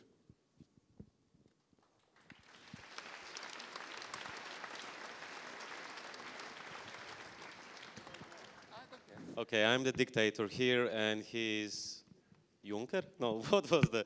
Okay, uh, Goodness maybe we should me. take a question. Okay, right there. We had the question here. From the parter. How do you call that in English or in Greek? Here. But wait for the mic.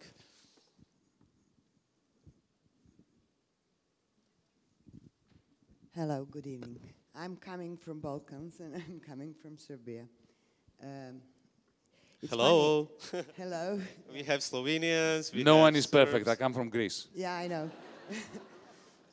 the funny thing, I came with the National Theatre from Belgrade, but not to be on this stage here tonight. We are playing the Maria Stuart play in another theatre, but I escape as a stage designer here. I am not a the actor.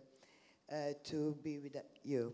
My question is uh, artist, I must say, is that I've been following, and I'm a member of DiEM, and that's why I'm here. But um, very simple, as an artist, as someone who who is thinking, who is seeing what is uh, uh, reality and what is false reality, who is able to approach to other people through art and send some message or at least steer someone to think about it um, differently, as you are doing here, uh, both of you in your own ways.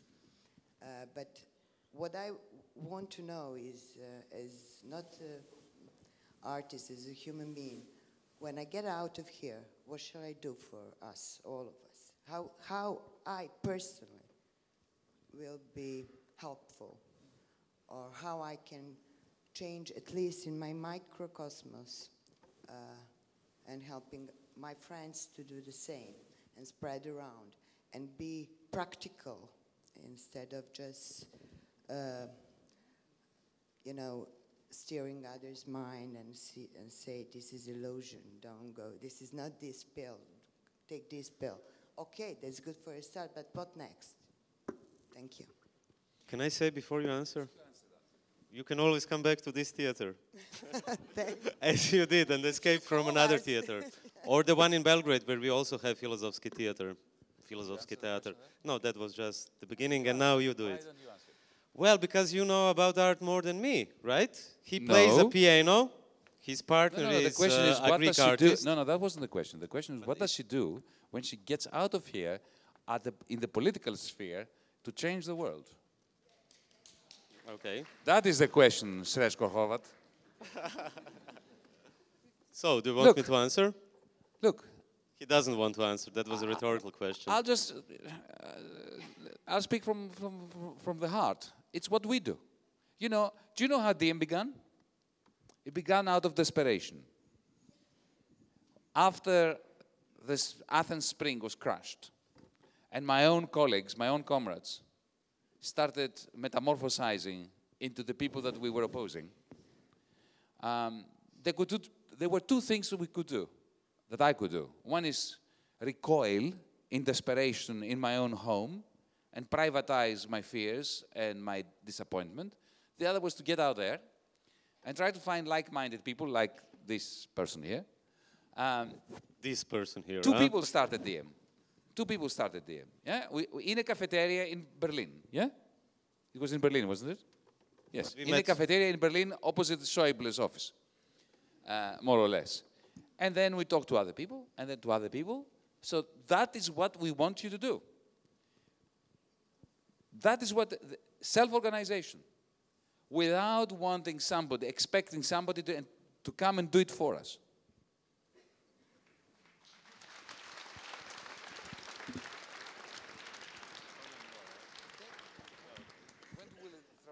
Okay, we take a question here since I looked at you, so. What do you think why we are all budgeting education so low? I mean, in general, governments. Oh, that is the easiest question in the world. Because the rich who run governments can afford to send their children to the best schools without investing in education, and they don't give a damn about those who can't afford it. It's really very simple. Next question. Okay, we go for a question there. You have a mic already. It's on the balcony. Just to check the mic. Check mic. Mic check. No, that was Occupy Wall Street. Good evening. My name is Eddie, and I'm here with my wife, and we live in Zagreb. There. And uh, we just like to welcome you to Zagreb. You're very entertaining, and we're enjoying this. just a little update Hofer didn't win in Austria. But my real question is in Italy, we have a referendum. Exit polls are showing a no. Renzi is most likely to step down. We're looking at a toxic banking crisis in Italy. It's kind of deja vu for you on a much bigger scale. We're going to see the news tonight. We're going to start seeing markets drop, feeling the effect in Asia working its way over here. And what do you see happening? And Croatian banks are very, very exposed to Italian banks, being owned by Italian banks, let's say. You've been through this. What can you see happening tomorrow and the day after? Look, the problem is not tomorrow or the day after. The problem is systemic. Uh, I'm not. I, I'm, I'm not worried about tomorrow. I'm worried about the next months, the next years. That's what I'm worried about. Uh, look, when the economic foundation is too weak to sustain the edifice, the whole building on top of it, it starts crumbling. And it starts crumbling when the occupants and the owners and the leaders of that building have no idea of what's happening. And they are in denial. That's why I was saying they paint the walls when the foundations are crumbling. So when the economic foundation implodes, then of course the political superstructure goes down. In Greece, as you said, it's deja vu. Yes, it is deja vu. 2010, the, the Greek state went bankrupt. The Greek political class pretended it wasn't so. So they started borrowing money, not for the Greek state, to give it to the German banks, which were bankrupt, and to the French banks, which were bankrupt, so that Mrs. Merkel would not have to tell her own voters that Deutsche Bank was bankrupt.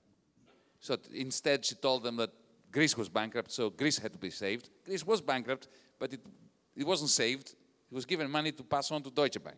So when you're in denial that your European house has foundations, economic foundations that are crumbling, it is inevitable at some point the whole thing is going to come down. And I was saying this in 2010 Italy is the battleground for Europe. Because the moment Italy collapses, then France is out. And once France is out, the European Union is finished. And now we're seeing this happening.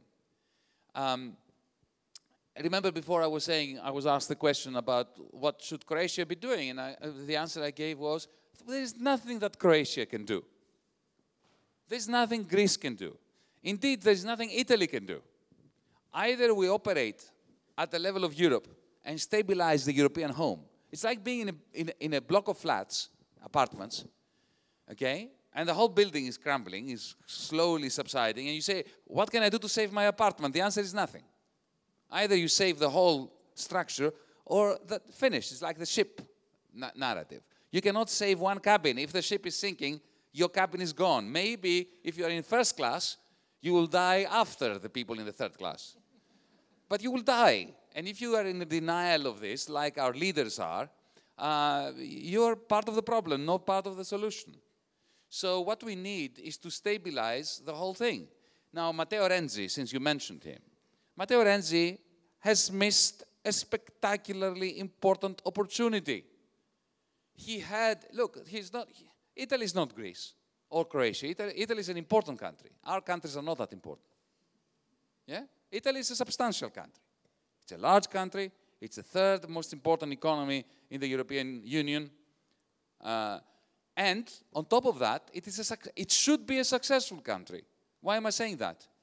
it has a trade surplus. It sells more to the rest of the world than it imports. Its government is in surplus. It's corrupt, it's this, it's that, it's Italian, it's mafiosi, but it still is in surplus.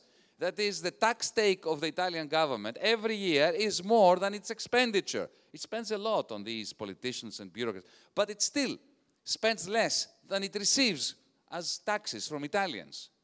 A country that has a trade surplus and a budget surplus should be doing well.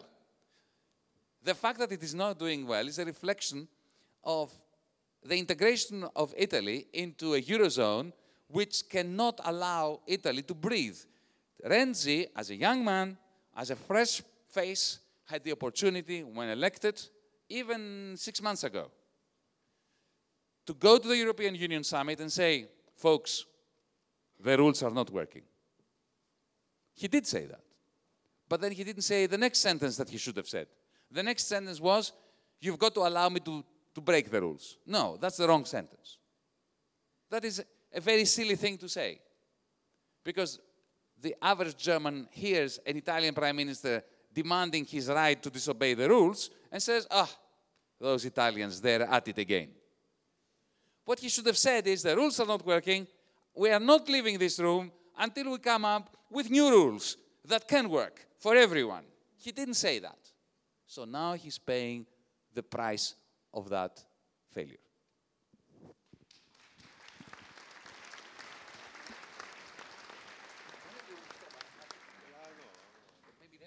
You'll come back. Do you want to go home? yeah, he also doesn't want to go home. Uh, so, but we'll take one last question from the balcony. Srećko? A British person. Yeah, are you Let's have a question yeah. on Brexit. No, wait, there is a question from the balcony. We'll come to you, sir, in a minute. okay, so it's two last questions one from the balcony, one from the British person. How? Is Walter? Go. Hello, Yanni. Right, go.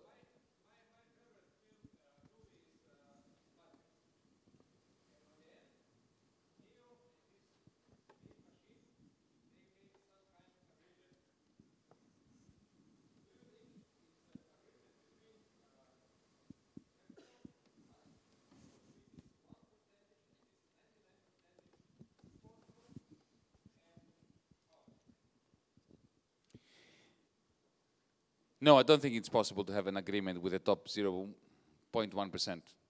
But it is possible to restrict them. It has happened before. This is not the first time. Let me remind you that the post Second World War golden age of capitalism, which was the 50s and the 60s, okay, it was the best period of capitalism. It was a period during which, those 20 years, unemployment collapsed to nothing, inflation was very, very low, there was stability, and inequality fell magnificently. Magnificently. Yeah? What gave rise to these 22 years? Well, it was a system that was designed in April of 1944 in a place called Bretton Woods in the United States. Representatives from every country, including Yugoslavia, were there. That was even before the end of the war, 1944. It coincided with um, the uh, Normandy invasion by the Allies.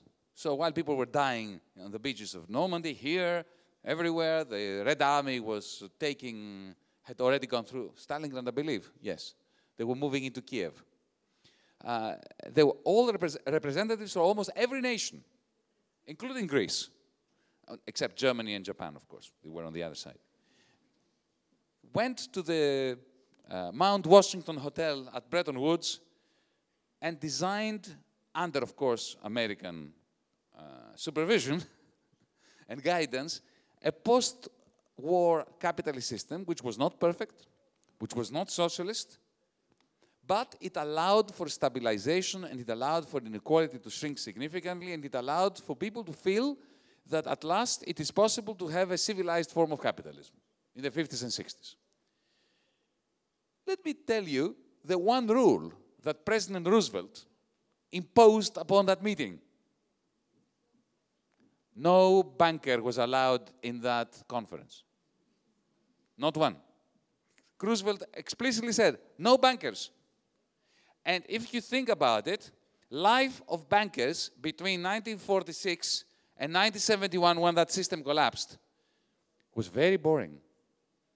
Very boring. They were not allowed to do anything. They were allowed to do the job of a bureaucrat. Take money in, give loans, retain a small difference between the interest rate that they were charging and the interest rate that they were accepting. And that was it. They could not they, they, they could not create derivatives, they could not shift money without permission. Uh, the life of a banker was exceptionally boring in the 50s and 60s, and that is a prerequisite for the good society.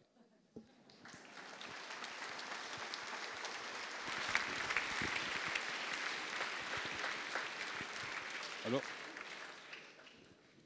And although I know that you don't want to go home and Yanis doesn't want to go home, although he has to fly tomorrow somewhere else, it is the last question, the British question. Oh, yes. With a British accent, please. Hello. You hear me?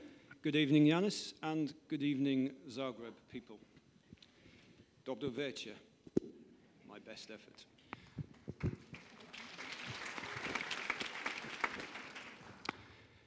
Do you understand why a British working person who is also a socialist, a thinking person who is well informed, would vote for Brexit? And if you understand that truly, can you explain it to the young people and the idealists in your audience? Yes, of course I can. Um, before the 23rd of June, the Brexit referendum, uh, I campaigned in a number of cities in Britain. Uh, and the most uh, interesting meetings I had were in places like Leeds and Doncaster and York and Hartlepool. You can imagine what I'm talking about. Yeah? So I met a lot of the people that you mentioned.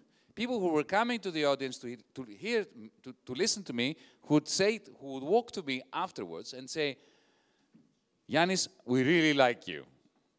But I'm not going to do as you're saying, because my recommendation was to vote for a radical Remain.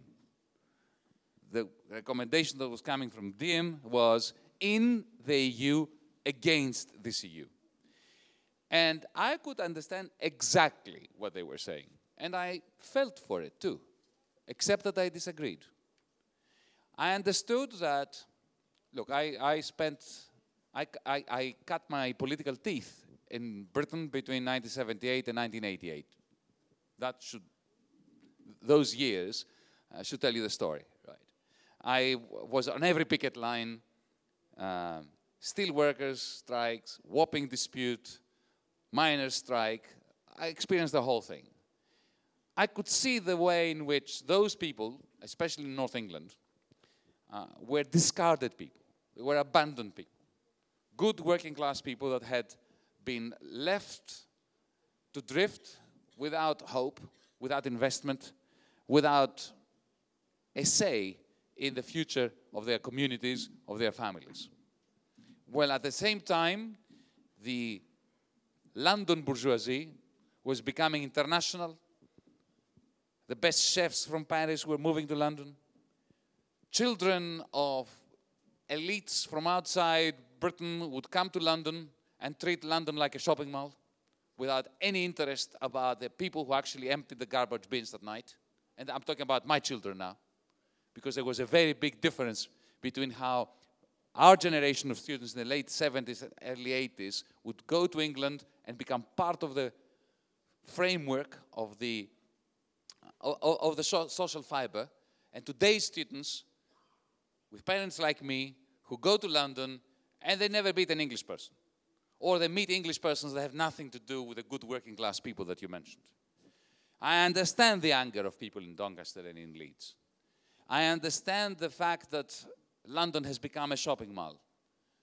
Like all shopping malls, it's been homogenized, and the people who actually do the work have to live further and further away from the center of London because of increasing rents and house prices due to the influx of elites and the City of London's shenanigans. But the question is I, I try to be a practical person. The question I ask myself, and we ask ourselves as DiEM, is this What is in the interest, in the end, of the good working class people in the north of England, in the south of England, in Wales, in Scotland, in Northern Ireland? And for the life of me, I could not come to the conclusion that Brexit was in their interests in the end. Two reasons. Firstly, I like to quote Hotel California, the last verse. You can check out any time you like, but you can never leave. See what is happening now. I was telling people in Leeds and Doncaster this.